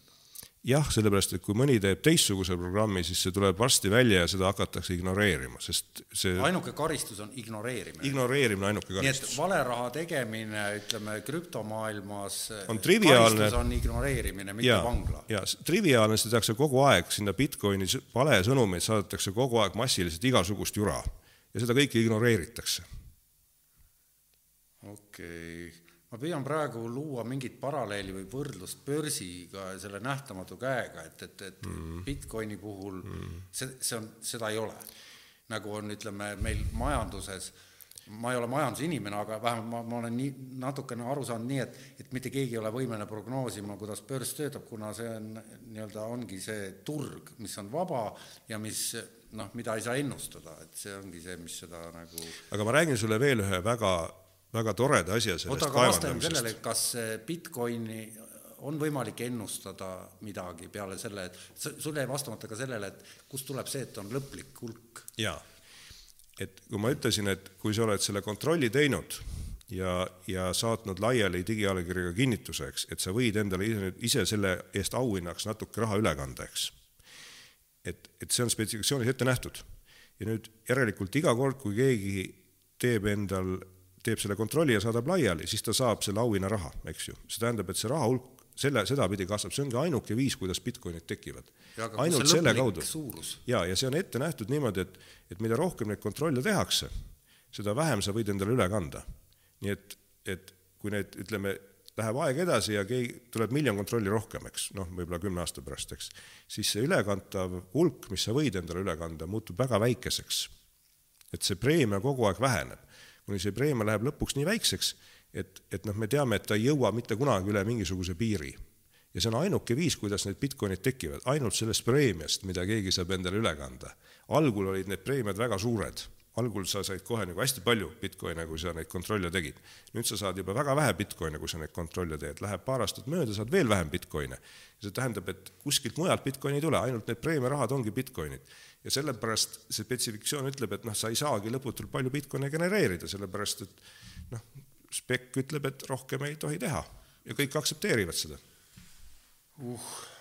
aga see pole veel kõik, nagu öeldakse. et üks kõige lahedamaid asju on see, see kuulus kaevandamise värk, et mikspärast on, käib selline suur kaevandamine, me oleme kuulnud, et tohutult palju elektrit läheb sinna kaevandamisse, eks ole, et on suured kaevandamisarvutite vabrikud, peaaegu seal meeletult palju arvuteid, mis muudkui kaevandavad ja ja sinu enda arvutid pannakse kaevandama ja kõik see värk, eks. nüüd see kaevandamine ja kui ma korra mainisin, ongi seesama kontroll, et sa teed selle kontrolli ja saad endale auhinna panna, eks. aga nüüd see noh, paistab, et kui sa saaks endale auhinda panna, siis igaüks kohe teeks kontrolle ja saaks auhinna, eks ju, selge, väga mõistlik asi. tundub loogiline. tundub loogiline ja mis juhtuks, kui niimoodi oleks, oleks see, et paralleelselt igal pool kõik teevad meeleheitlikult kontrolle ja püüavad üksteisele laiali saata neid. nii et selliseid kontrollitud, kus igas kontrollis on paar ülekannet ja digiallkirju on hästi palju, see tekitab tohutu segaduse ja nüüd see Bitcoini spetsifikatsioon näeb ette, et neid kontrolle on väga raske teha. et neid ei juhtuks iga sekund, et neid tuleks üsna harva. et noh, et sul tuleks umbes keskmiselt a la kümne minuti kohta üks kontroll, mis suudetakse teha, ükskõik kui palju sa proovid. ja nüüd see kontrollimine on tehtud meelega raskeks, spetsifikatsioon näeb ette, et sa pead seda kontrollimist tegema eriliselt nagu raskel viisil, et umbes noh, katsetama random'iga mingisuguseid arve läbi täiesti mõttetul moel. oota, aga see spetsifikatsioonil on ju autor. jaa, spetsifikatsiooni autor mõtles selle välja, et nii, teeme aga ta, see on anonüümne isik. jaa, see on anonüümne isik, et teeme selle meelega hästi keeruliseks, nagu mõttetult keeruliseks, et selle saaks teha miljard korda kiiremini sisuliselt, kui seda tegelikult tehakse. see on tehtud lihtsalt nagu ekstra raske töö, millel ei ole mitte mingit muud pointi kui see, et seda kontrolli oleks raske teha ja selle kontrolli raske tegemise mõte on see, et neid ei, noh, ei juhtuks niimoodi, et paljud inimesed paralleelselt teevad aga siis muutub, kui ma nüüd õieti aru saan, siis kui maailm liigub selles suunas, kas ta liigub kõigepealt, selline küsimus? noh, see ütleme Bitcoini suunas Jaa. või?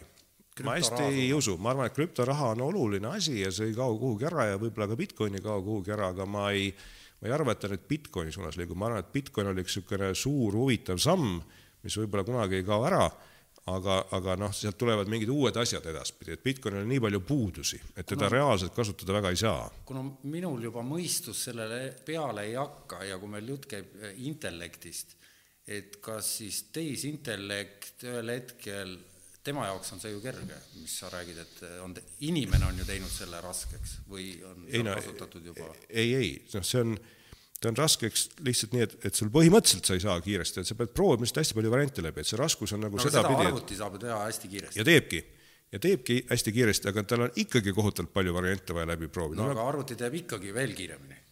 aga tal on ju mingi piir, vaata, kui arvuti arvutab, tal läheb aega, elektrit on ju, no jahutada on vaja. jahutada on vaja ja nüüd see ongi see, mikspärast sinna tohutult palju elektrit läheb, kui sa oled kuulnud sinna Bitcoini arvutamisse, et, et see kunstlikult raskeks tehtud asi, noh, selle arvutamine lihtsalt võtab palju aega ja palju elektrit. nii et meil tulevikurikkused äh, nagu paljud muudki asjad ikkagi on energeetiline probleem. aga, aga see lõbus asi on see, et see energi-, et see põhjus, miks sinna nii palju elektrit läheb, on see, et see on kunstlikult raskeks tehtud, et sa ei saaks kergesti rehkendada, see on nagu pidur peal, see on umbes nagu, et sul oleks nagu autod, eks. aga kõigi, öeldakse, kõigil autol peab olema nagu megasuur pidur alati. Ja sul peab olema sada korda kõvem mootor, kui sul on, mis võtab sada korda rohkem bensu, sellepärast et see pidur peab olema. spek näeb ette, et pidur peab olema autol, sa ei tohi lihtsalt sõita. nii et sellel mingit sisulist mõtet ei ole, et seda elektrit kulutatakse, see on sellepärast, et see spek ütleb, et nii peab olema, et muidu me ei saaks noh, muidu tuleks liiga palju neid kontrolle, läheks asi segaseks ja nii edasi. Ja seal on veel lisakavalus, see on natuke see, et vaata, kui kui sa ütled, et aa, sul on selle auhinna saamiseks vaja seda kunstlikult rasket asja teha tohutu hulga elektriga, sa pead sinna palju investeerima, eks ole, et sealt nagu võitu saada, siis see tekitab majanduslikku huvi nendes, kes on selle, need kaevandamise masinad kokku ehitanud, kes on need elektriliinid vedanud endale, eks ole, neil on suur majanduslik huvi, et see süsteem püsiks. nii et, nii et nii et seesama keerukus või see raskus, et seda kunstlikult rasket ülesannet lahendada, et see majanduslik huvi hoiab nagu majanduslikult seda Bitcoini üleval, sest sinna on nii palju investeeritud, eks ole, et need vennad, kes on sinna investeerinud, tahavad, et see asi säiliks, nad ei taha, et see kaoks ära. see on nüüd teine aspekt sellel. ma löön nüüd kaks kategooriat täiesti sassi selle küsimusega ilmselt, aga mis siis, et ütleme, et kui müürsepal kulub tund aega kive üksteise otsa panna, et teenida kakskümmend eurot. Ja kui täna on Bitcoin, ma ei tea, kas ta on kuus tuhat või kaheksa tuhat, no umbes selles suurusjärgus eurot on üks Bitcoin, siis kui me nüüd rehkendame selle nüüd füüsilisesse töösse tänaste hindadega, siis on väga palju aega kulub, et teenida üks Bitcoin et, et kas see on võrreldav selle raskusastmega, mis on see ühe Bitcoini kaevandamise allkirjade andmine, nagu sa seletasid? enam-vähem, see on niimoodi piiri peal, et noh, et kui sa vaatad selle elektrikulu, eks, siis see, et, et sa nüüd teeniksid selle elektrikulu pealt, see on enam-vähem kogu aeg niimoodi parasjagu piiri peal, niimoodi, et kui sul on suhteliselt odav elektrienergia, mis on näiteks sellistes Hiina suurte hüdroelektrijaamade juures, siis on see ratsionaalne tegevus kui sa seda kodus teeksid praeguste hindade, elektrihindadega, see tõenäoliselt ei ole ratsionaalne tegevus. see, see, on minu jaoks hoomamatu hulk energiat arvuti nagu jah, ja selle, selle energia ainuke mõte on pidurdamine mitte mitte midagi konstruktiivset või rakenduslikku selles ei ole. ja, ja kogu see asi mõeldi välja täiesti kaine peaga. jaa ma ei ole selles kindel, aga, aga ma pigem kahtlustan, sest see on väga kavalalt välja mõeldud, sul on terve hulk tehnoloogiaid, mis omavahel niimoodi üksteist toetavad, kõik need aspektid tulevad sisse ja kogu see kaadervärk on läinud käima, nii et see on, see on silmapaistvalt välja mõeldud asi. ja üks mu tark sõber, kui ma küsisin ta käest, et noh, proovi sina mulle seletada, mis on selles Bitcoinis nagu head, sest vaata üldiselt need inimesed, kes kes noh, enamik inimesi, kes mingi küberturva või, või sellist noh, Bitcoini laadsete tehnoloogiatega tegelevad, suhtuvad sellesse negatiivselt, nad ei suhtu sellesse üldse positiivselt, enamasti, on erandeid. ja tema ka suhtus sellesse negatiivselt ja, aga siis ta seletas mulle, et, et vaata, et Bitcoin näitas, et, et sul on võimalik teha suuri majanduslikke asju ilma juristideta. et tehnoloogid ise teevad, et see on, see on reaalne näide, kus sul ei ole ühtegi juristi vaja sa ei küsi kelleltki mingit luba, sa lihtsalt külmalt teed, sest sa oskad. ja ma arvan, see on väga efektne, efektne asi. et see on siis, ühesõnaga, raha on teadmispõhine? Jaa, nii võib isegi öelda. ja, ja kusjuures mitte lihtsalt teadmispõhine, vaid eh, tehnoloogia, ütleme, arvutiteadus, see sinu valdkonna ja. teaduspõhine. sisuliselt, et tulevik on see, et kui sa arvutiteaduses nagu oled nagu ütleme, minusugune, et oskad internetis niisama asju ajada, midagi rohkem ei oska, et siis nagu pappi polegi, kui krüptomaailm kätte jõuab või, või, või, või ikkagi nad on, ei ole võrreldavad asjad, see raha, tänane majandus ja see krüptomajandus. tähendab, minu jaoks on ikkagi noh, ma olen nii palju loll selles valdkonnas, et et, et, et mõlemad on no krüptomajandust, noh, ta, ta on nagu omaette mull, eks, ta ei ole seotud reaalmajandusega eriti ta on, ta on selline omaette no spekulatiivne majandus. on ju asjadel ja kaubeldakse. seda küll, aga ta on selline noh, spekulatiivne asi, millel sellist tarbimis- või rakendusväärtust on väga-väga vähe. no aga ta on puhas selline investeerimisvahend, no ta on natuke sarnane ikkagi mingisugusele kullale umbes, et noh, kullal on ka suhteliselt väike tarbimisväärtus, kuigi tal on, eks noh, saab ehteid ja värke teha, eks, aga, aga siiski, eks. mis et, et kõige rohkem räägitakse krüptost, kontekst on mingisugune dark web ja, ja relvaäri ja, ja nii edasi et.... no sellepärast, et, et, et kui sa teed mingeid valguskartvaid tehinguid, siis selge, et sa ei saa ju rahaülekandeid teha ja, ja see on nüüd viis, kuidas sa võid püüda kuidagi varjata oma ülekandeid. see ei ole siis äkki võib-olla selle kogu asja algne impulss? see tõenäoliselt miks, ongi, kusjuures, jaa, kusjuures see tõenäoliselt ongi nii, et, et, et üsna levinud teooria on see, et, et, et need, kes selle suurelt nagu käima panid olidki huvitatud sellest, et saaks selliseid eh, relva- ja narkokaubanduse business'id paremini teha, et need on tõenäoliselt nagu kokku põimunud alged. et see ei ole päris kindel, eks, aga see kõlab üsna tõenäoliselt okay, praegu. okei, et niisugused eh, pool, poolteadlastest majanduskurjategi-, kuritegevuse uurijad longivad sabas ja siis niisugused bright noh, briljantsete arvutiteadmistega kurjategijad kihutavad pikalt ees ja ajavad oma asju, nagu see ikka ajalooliselt on käinud, et, et üks paneb ees ja teised järel, teine järgi, et et alati on sammukene ees, on ju need tumedam, tume, tumedam. Või, võib-olla, ma ei tea. ei, ma mõtlengi, et ma üritan mingit loogikat leida sellest, et miks see krüptot üldse vaja on.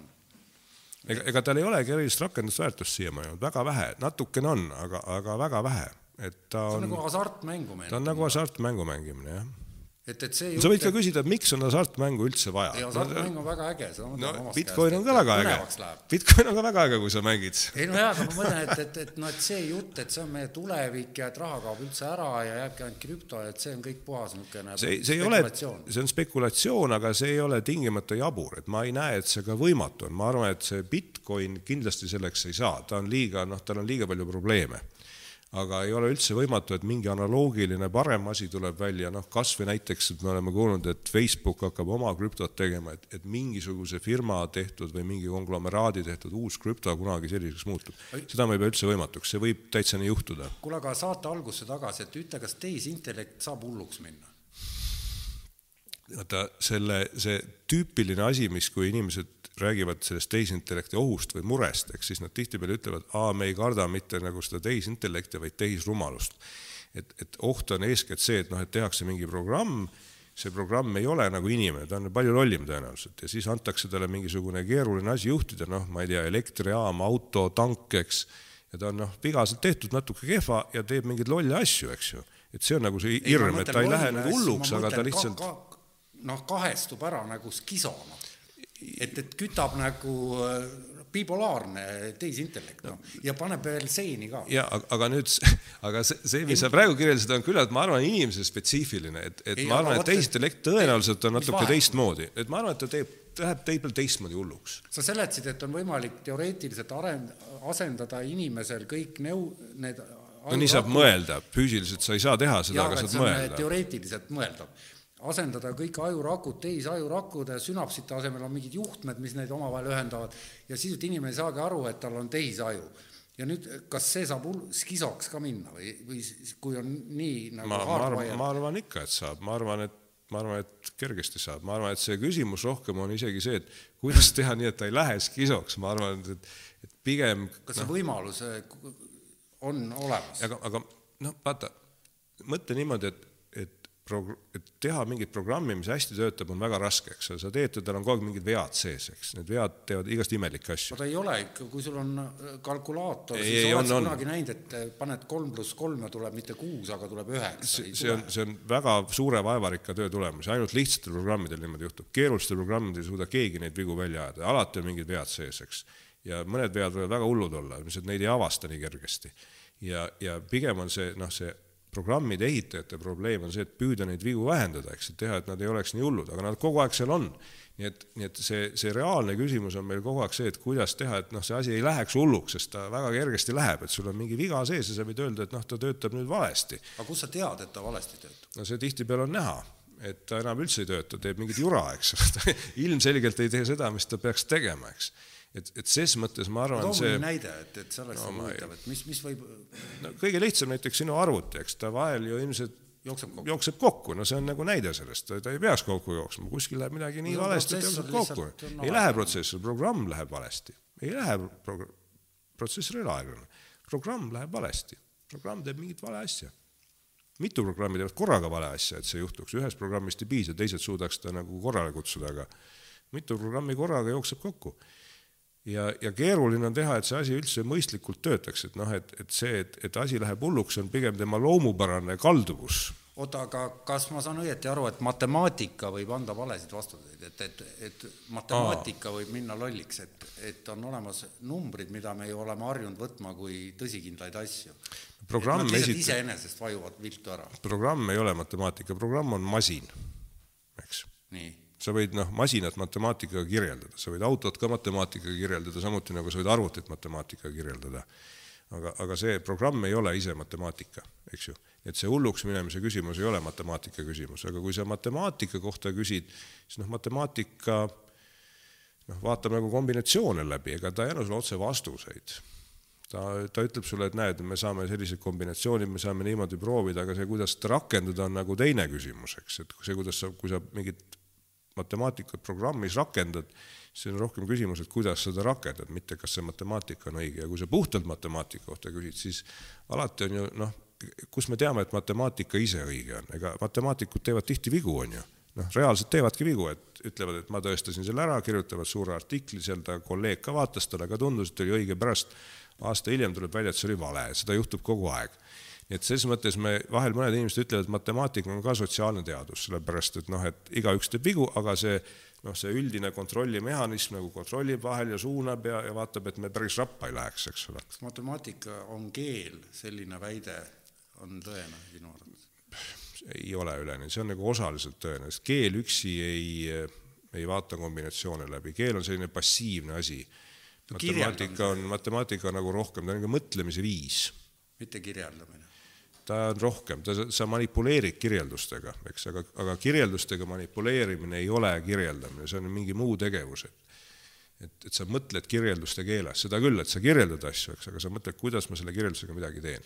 et noh, et ma siin panen midagi kirja, siis ma muudan seda, teen teised, võtan need kaks kirjeldust kokku, teen nendest kolmanda kirjelduse, eks, et sa manipuleerid kirjeldustega et see on selline mõtlemise viis, seal ei ole selgeid reegleid, matemaatikas ei ole tegelikult reegleid.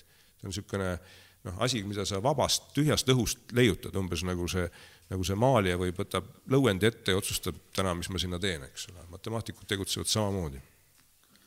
et mul tuleb meelde üks lause, targamehe öeldud lause, et, et eelarvamuste jõud tunnetuse üle on nagu informatsiooni liikumise kõige suuremaks takistuseks, et et kas matemaatika on eelarvamus? täis eelarvamusi. niimoodi, et ühesõnaga siis siin tekib päris hea paradoks, et see on siis, takistab informatsiooni liikumist. päris kindlasti, ei noh, selge, et me jõuame selleni, et tunnetus on täpsem, intuitsioon on siis, tähendab vasak või parem ajupoolkera, et, et selline küsimus. No vot, mis matemaatikaga väga lahedalt juhtub, on see, et et juba päris hulk aega tagasi üks hästi kuulus matemaatik nimega Gödel, keda paljud inimesed on kuulnud, et on selline Gödel, tal on mingid teoreemid oota, ütle, mina ei teagi. ja Kurt Gödel, üks Austria matemaatik, pärast töötas Ameerikas ja, mis ja ajal? loogika alal. ei, ei, mis ajal? enne ja pärast sõda okay., umbes samal ajal kui Einstein, ta Ameerikas töötaski koos Einsteiniga, nad tegid erinevaid asju, aga nad käisid koos jalutamas umbes.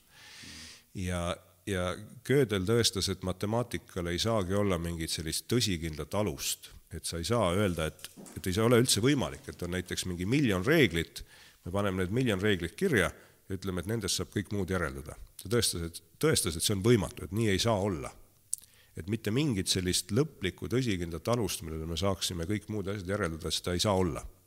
mis tähendab, et matemaatika alused on kõik intuitiivsed, viim nagu üks. Et matemaatikal ei olegi mingit sellist nagu dogmaatilist alust, need on kõik intuitiivsed. kas see ei kehti kogu selle maailma kohta tervikuna, alates sellest, et suur pauk noh, ja no jaa, aga ütleme, lahe koht on see, et, et matemaatika on ka täpselt selline asi, eks. et sa nendest intuitiivsetest alustest võid küll nüüd ratsionaalselt edasi mõelda, aga need alused on ikkagi intuitiivsed. peavad olema. Sest et suur pauk on ju ka intuitiivne. seda ma ei tea, ma ei tea, mis on suur pauk. ei no keegi ei tea ju. ja, ei just, just. et mitte millestki, noh, see on ju üks religiooni definitsioon, et mit, mitte millestki millegi tekkimine, noh, et kas see on võimalik või ei ole no et, et, et see on ka üks huvitav teema, aga muidugi ei käi vist teisi, tehisintellekt ja religioon, kas seal on mingeid kokkupuutepunkte? kuule, ma arvan, et, et hullult, sellepärast et, et kõik seesama asi, mis sa, mis sa ise hakkasid rääkima, et, et eh, mida Elon Musk arvab ja Ben Goertzel räägib meile ja, ja, ja mida mida Nick Puustrom räägib ja selle ümber on palju inimesi, kes kogu aeg ütlevad sulle üht ja teist asja, ütlevad, et noh, et tuleb niisugune suur pauk ja äh, singulaarsus ja, ja teisendlik tuleb kohe või, või on ohtlik või on hea, et kuidas keegi arvab, eks, et see on väga religioosset laadi liikumine. seal on kõik sellised religiooni tunnused olemas, et seal on umbes olemas see noh, nagu see viimane kohtupäev ja, ja maailma lõpp, eks ole, see on niisugune singulaarsus, mis ta teeb, siis nagu see, see ülisuperarvuti, mida võib ette kujutada, mis siis nagu kõik üle võtab ja kõike juhib ja tervet maailma simuleerib, see on väga analoogiline Jumala kujundile, siis on sul olemas kõik need sellised nagu oma religiooni variandid, et ühed on sellised, kes noh, kardavad midagi, teised ei karda, sul on nagu erinevad sellised tunnetused, umbes nagu kristoloogias, et kas siis, kas Jeesus on, mis moel ta on siis selle äh, selle Vana-testamendi Jumalaga nagu üks, et noh, kas ta on nagu päris eraldi või natuke koos või mismoodi ta on koos, et noh, me teame, et seal on kõikvõimalikud variandid, mis on ajaloos nagu läbi arutatud või võideldud pigem, eks. ja, ja, ja selles tehisintellekti religioonimaailmas on samamoodi, et on igasugused variandid, mida keegi arvab, et noh, et, et aa, et tehisintellekt natuke sedamoodi, natuke teistmoodi, on kõik sellised spekulatiivsed, nad on spekulatiivsed umbes nagu ka see nagu Jeesuse ja Vana-testamendi jumala suhted on täiesti spekulatiivsed, ole. kas arvuti seda on pandud arvut-, arutama välja mõtlema? aga seal ei ole midagi huvitavat juhtunud, noh, inimesed on igast imelikke asju teinud, eks nad on igasuguseid asju öelnud, et näed, ma siit saan järeldada seda, aga need on, noh, see on jura, eks, et midagi, noh, arvutid ei suuda meil teha mingit filosoofiat praegu, nad ei ole sel tasemel üldse. aga, aga kogu sellel, noh, sellisel ohu liikumisel ja ja nagu noh, ka positiivsel liikumisel kogu selle tehisintellekti spekulatsiooni ümber on hästi sellised tugevad religiooni tunnused ja on, ja on, on selge ka see, et, et inimesed nagu täitsa vajavad seda. et inimesed, kes ei ole väga religioossed, näiteks ongi tehnofiilid, et nad tunnevad ennast noh hästi, kui nad mõtlevad, et et me hakkame sellist superasja aretama ja me jõuame kuidagi selle jumalikule tehisintellektile lähemale või et me kardame mingisuguseid teemoneid, mis sealt võivad tulla, eks ole, kõik needsamad klassikalised mõtteliinid, mis inimesi nagu innustavad või üleval hoiavad või mõjutavad, need on seal olemas. nojah, Sam Harris on, on, on mediteeriv ateist, et näiteks, jah. et, et aga, aga ma mõtlen seda, et see religioon ja, ja tehisintellekt, et see on küll huvitav teema, et, et kas, kas neid nagu akadeemilises ringkondades teil seal ülikooli juures nagu ühes, ühes lauses arutletakse ka nende asjade üle? üldiselt mitte, et me noh, ma arvan, et need minu kolleegid, et me püüame vältida seda tehisintellekti ja religiooni kokkuajamist, et meid huvitab tegelikult noh, selle, selle tehisintellekti väikeste jupikeste paremaks tegemine. Ja me ei, me ei taha minna sinna spekulatsioonidesse, et kui sa tegelikult seda ehitad, siis see ei, see ei tundu sulle õige viis hakata spekuleerima. vaata, Matrixiga ühel aastal kandideeris ka Oscarile teine film samal teemal enam-vähem, oli kolmeteistkümnes korrus, niisugune pealkiri, kus inimesed nagu said lõpuks teada, et, et, et nemad on, arendasid ise tehisintellekti ja et nemad on nagu samasuguse asja produkt ja siis said kontakti selle järgmise korrusega, et et mul tuli see praegu meelde, et et kas nagu noh, kas see on ka mingisugune ametlik teooria või, või, või see, et me asume või, või see kattub nüüd selle simulatsioonidega? ma arvan, et see on jõudsalt sarnane selle simulatsiooniga, et niipea, kui sa mõtled, üks asi on teine see, teise sees, siis see hakkab väga sarnaseks minema, eks, ja kui sa mäletad, siis siis vähemalt ühes Men in Blacki filmis oli umbes samamoodi, et et, et näidati mingis lõpukaadris, kuidas kõik need Men in Blacki tegevused toimusid mingisuguses väikeses kastis kuskil, mis oli mingisuguse suurema süsteemi kuskil, ma ei tea, pagasiruumis, kohvris jah, see on noh, see matrjoška, eks mm. -hmm. aga, aga kuhu sa ise kaldud selles nüüd, ütleme, kui hakata siin vaikselt otsi kokku tõmbama, et et kuhu sa ise kaldud nüüd selles Puustrumi selles kolmeses potis, et, et kas me, kus me, oleme me simulatsioonis või me ei jõua sinna kunagi? noh, seal vist, ma saan aru, suures piiris kaks varianti ongi no ma, ma kaldun arvama, et me ei ole ja see mu kõhutunne, mis võib vale olla, on, on, on sellepärast, et et simulatsioonid on väga kallid ja rasked asjad teha, et kõik läheb kohutavalt aeglaseks, kus sa midagi simuleerid. kui üks, kui sa alati võid programmi panna teist programmi simuleerima, aga ta läheb umbes nagu tuhat korda aeglasemaks. sul on väga raske tegelikult midagi simuleerida, et nüüd ma arvan, et need mõtted, et keegi midagi väga detailselt simuleerib, et need ei ole väga realistlikud, eks teisest küljest, kuna me ei tea, mis noh, siin maailma all üldse on, kogu see kvantmaailm, siis ma arvan, et, et teisest küljest vaadates, no me oleme umbes samal tasemel ikkagi mingisuguste ürginimestega, et ega me palju targemad ei ole. ja nemad ei tea, kuidas see maailm käib, ega meie ka väga ei tea, kuidas see maailm käib, et me oskame prognoosida seda, et sild kokku ei kukuks ja auto sõidaks ja igast toredaid asju teha, eks. Aga fundamentaalselt me ei tea maailmast palju rohkem kui ürginimesed, et me oleme ikkagi noh, me, me ei tea, mis seal juhtub, eks nii et, et ma arvan, ja see intuitsioon, mida need kvantfüüsikud meile püüavad öelda, nii palju, kui ma olen aru saanud, on, ütleb, et et kõik see, mis tegelikult on, on ebaintuitiivne, et see, mis me oleme harjunud nagu maailmast mõtlema, on lihtsalt meie nagu praktilise elu äh, jaoks sisse ehitatud mõtteviisid meie aiu ja see, mis tegelikult on, on kõik väga teistmoodi. et, et meie enda intuitsiooni nagu reaalse maailma nagu tegeliku ehituse jaoks nagu üldse ei tööta, nii et me tegelikult üldse ei tea ja me oleme üldse kohandatud sellest kergesti aru saama. see on nagu see sipelga metafoor siis et...? jah, see on nagu selline sipelga metafoor, kes ei saa tegelikult aru, mis ta ümber toimub, kuigi ta rõõmsalt tegutseb, eks.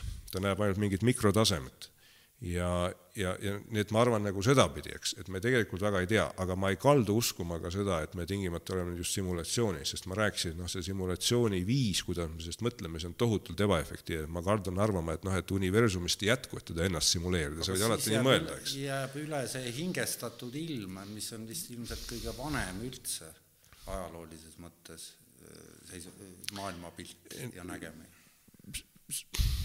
see võib täiesti nii olla, eks, et, et võib täiesti olla, et, et, et kogu ilm on hingestatud, et sul on palju paralleelseid reaalsusi, et ma arvan, et lihtsalt see reaalsus, mis tegelikult kuidagi kuskil on, on, on palju hämmastavam, kui me üldse ette kujutaks. ma arvan, et kui me mõtleme, et hingestatud ilm, siis tegelikkus osutub veel nagu miljon korda keerulisemaks või hämmastavamaks. nii et ma arvan, et lihtsalt ükskõik, mille peale me ka tuleme, ükskõik kui veider see mõte ka ei ole, eks ma kahtlustan, et see tegelikkus on lihtsalt veel miljon korda veidram nii et eh, see on eh, jah, et eh, kui inimene mõtleks teaduse paradigma raames välja, kuidas asjad tegelikult on, siis mis edasi saab? mage ju. ja aga ma ei usu, et see hetk kunagi tuleb. ma mõtlen ka praegu seda, et, et, et noh, et väga hea, et ei tule või, või või, või noh, seesama jah, jah. kas kellelgi on mingeid küsimusi?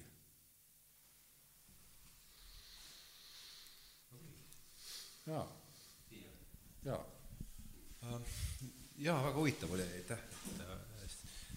aga et oli mõte sellest, et see simulatsioonis elamine, et, et kas sellise mõttega või sellise mõttega mängida, et see, meil ongi see evolutsioon oma nelja miljardi aastaga on meile mingisuguse virtuaalkiivri pähe pannud ja kui see, mis meie ümber tegelikult on, on selline ebaintuitiivne siviputinite supp, et siis me selle järgi ju elamegi mingil määral simul-, noh. et ühesõnaga see, me näeme, me näeme seda algosakeste suppi sellisena, nagu me näeme, et see on, tuleneb sellest äh, virtuaalsest kiivrist, mille evolutsioon on meile pähe pannud. et kuidas, kas selle väitega on üldse võimalik haakuda või, või no see on, see on umbes nagu minagi arvan, et no see on selline tunne, mis kergesti tuleb, et mul on umbes samasugune tunne, aga aga noh, sellest ei oska midagi järeldada. aga, aga see tunne on küll selline, eks, et noh, kõiksugused eksperimendid, mis sa saad teha seal, mille iganes, kõik viitab väga sellele. kõik, kõik, kõik, iga asi viitab täpselt sellele aga hämmastav on see, et me vaatamata selle kiivrile midagi üldse aru saame, et me, et me ikkagi suudame mingeid elementaarosakesi üldse leida, eks ole, et noh, et, et mind hämmastab see, et see kiiver ei ole meid siiamaani nii ära pidurdanud, et me ei jõuagi kuhugi, et noh, selge, et, et sipelgat ta on ära pidurdanud, et sa võid ju mõelda, et ükskõik kui palju see sipelgas mõtleb, ta ikka ei, ei suuda sul autot ehitada aga me oleme teinud hämmastavaid asju ja minu jaoks on see selline koht, kus ma saan aru, et ma ei jaga tegelikult, et mispärast see võimalik on, et see virtuaalkiiver ei ole meid päris ära paralüseerinud. et kus see piir läheb, ma ei tea, ma ei tea isegi, kas see on. nojah, ei, see lihtsalt ma ütlesin, kas, kas on olnud samalaadsed mõtted, ma saan aru, et on olnud. see on, ma arvan, üsna üldlevinud mõtted. aga see tekitab kohe küsimuse, et mis on see kaugem uudishimu nii-öelda äh, objekt või, või see küsimus, mille koostamisel sa, sina näiteks oled täna, et, et millele sa vastuseid kõige noh, ütleme siis intensiivsemalt otsid? mina otsin reaalselt intensiivseid vastuseid oma konkreetsetele sellistele praktilistele, pooltehnilist, poolteoreetilistele küsimustele, et kuidas seda tehisintellekti värki, mis ma teen, natukene paremaks teha. ja ma arvan, et need on minu jaoks väga suured küsimused. et kui ma midagi suudan seal paremaks teha, siis see on minu meelest selline väga suur asi, mida ma tegelikult peaksingi tegema. nagu päris asi, mitte lihtsalt selline spekulatsioon. aga nüüd siis ongi, et kui sa väidad, et ühiskondlik tehisintellekt on juba evolutsiooni osa, siis sa kaasad üliõpilased sellesse protsessi, et no, kasutada nende ressurssi, mitte sa ei räägi neile seda, mida sa juba tead kindlalt justkui ja ise kodus mõtled hoopis teiste asjade peale, vaid sa selle õpetamise käigus siis noh, saad nendelt seda informatsiooni, mida sul vaja on. no kool õnneks niimoodi töötab enamasti. ei, õnneks ta niimoodi või no, või ülikool enamasti nii töötab. tihti ei tööta et õpetajad taovad dogmasid ja, ja suur osa ülikoolist päris nii ei ole, et et ikkagi toimub niisugune mõttevahetus, no alati sa ei saa, eks, igas kohas ei saa, aga seda on päris palju. no mis sa arvad, kas haridus nagu, kuhu poole see läheb?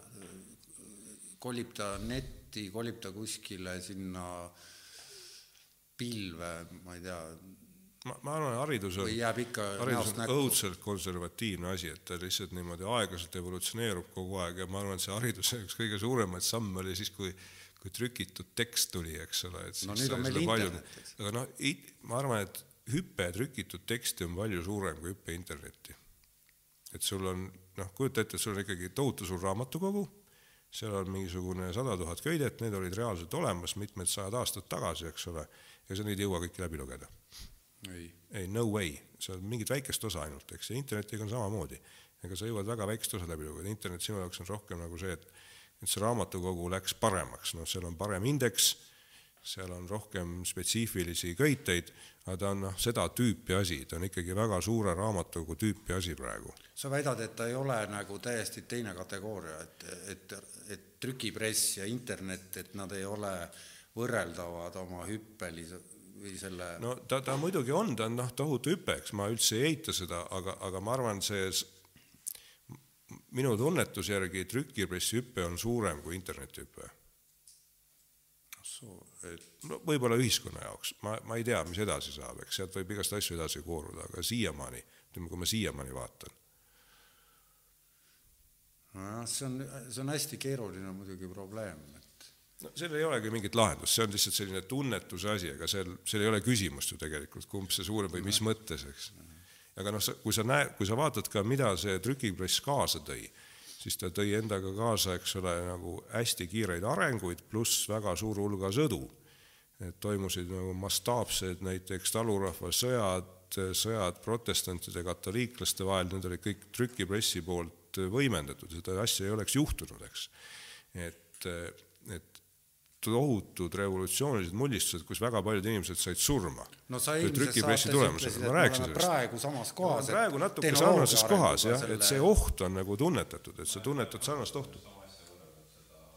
internetirevolutsiooni ja reformatsiooni, reformatsiooni, et see, selles, see on ka jah, väga üsna levinud või noh, kui, kui, kui levinud nüüd. küllalt levinud nagu hirm, noh, mure paralleel. aga see tundub väga jah, et lähim paralleel on otsida praegu kuueteistkümnenda sajandi algusest, ma olen väga seda meelt aga muidugi noh, et trüki, trükipress oli ühesuunaline, et paber noh, sai tähed sinna peale trükitud, aga internet on nagu mitmesuunaline, et et seal on, kõik on, kõik on autorid ka, kes loevad. noh, nad saavad kommenteerida ja noh, selles mõttes. ei no muidugi, ta on, noh, ta on no, ikkagi noh, ta on ikkagi teist, ta on ikkagi teistmoodi, eks ole, aga me ei tea veel, kuhu ta läheb, ta on natuke noh, selline, ta arengupotentsiaal, ma arvan, on suurem kui trükipressil.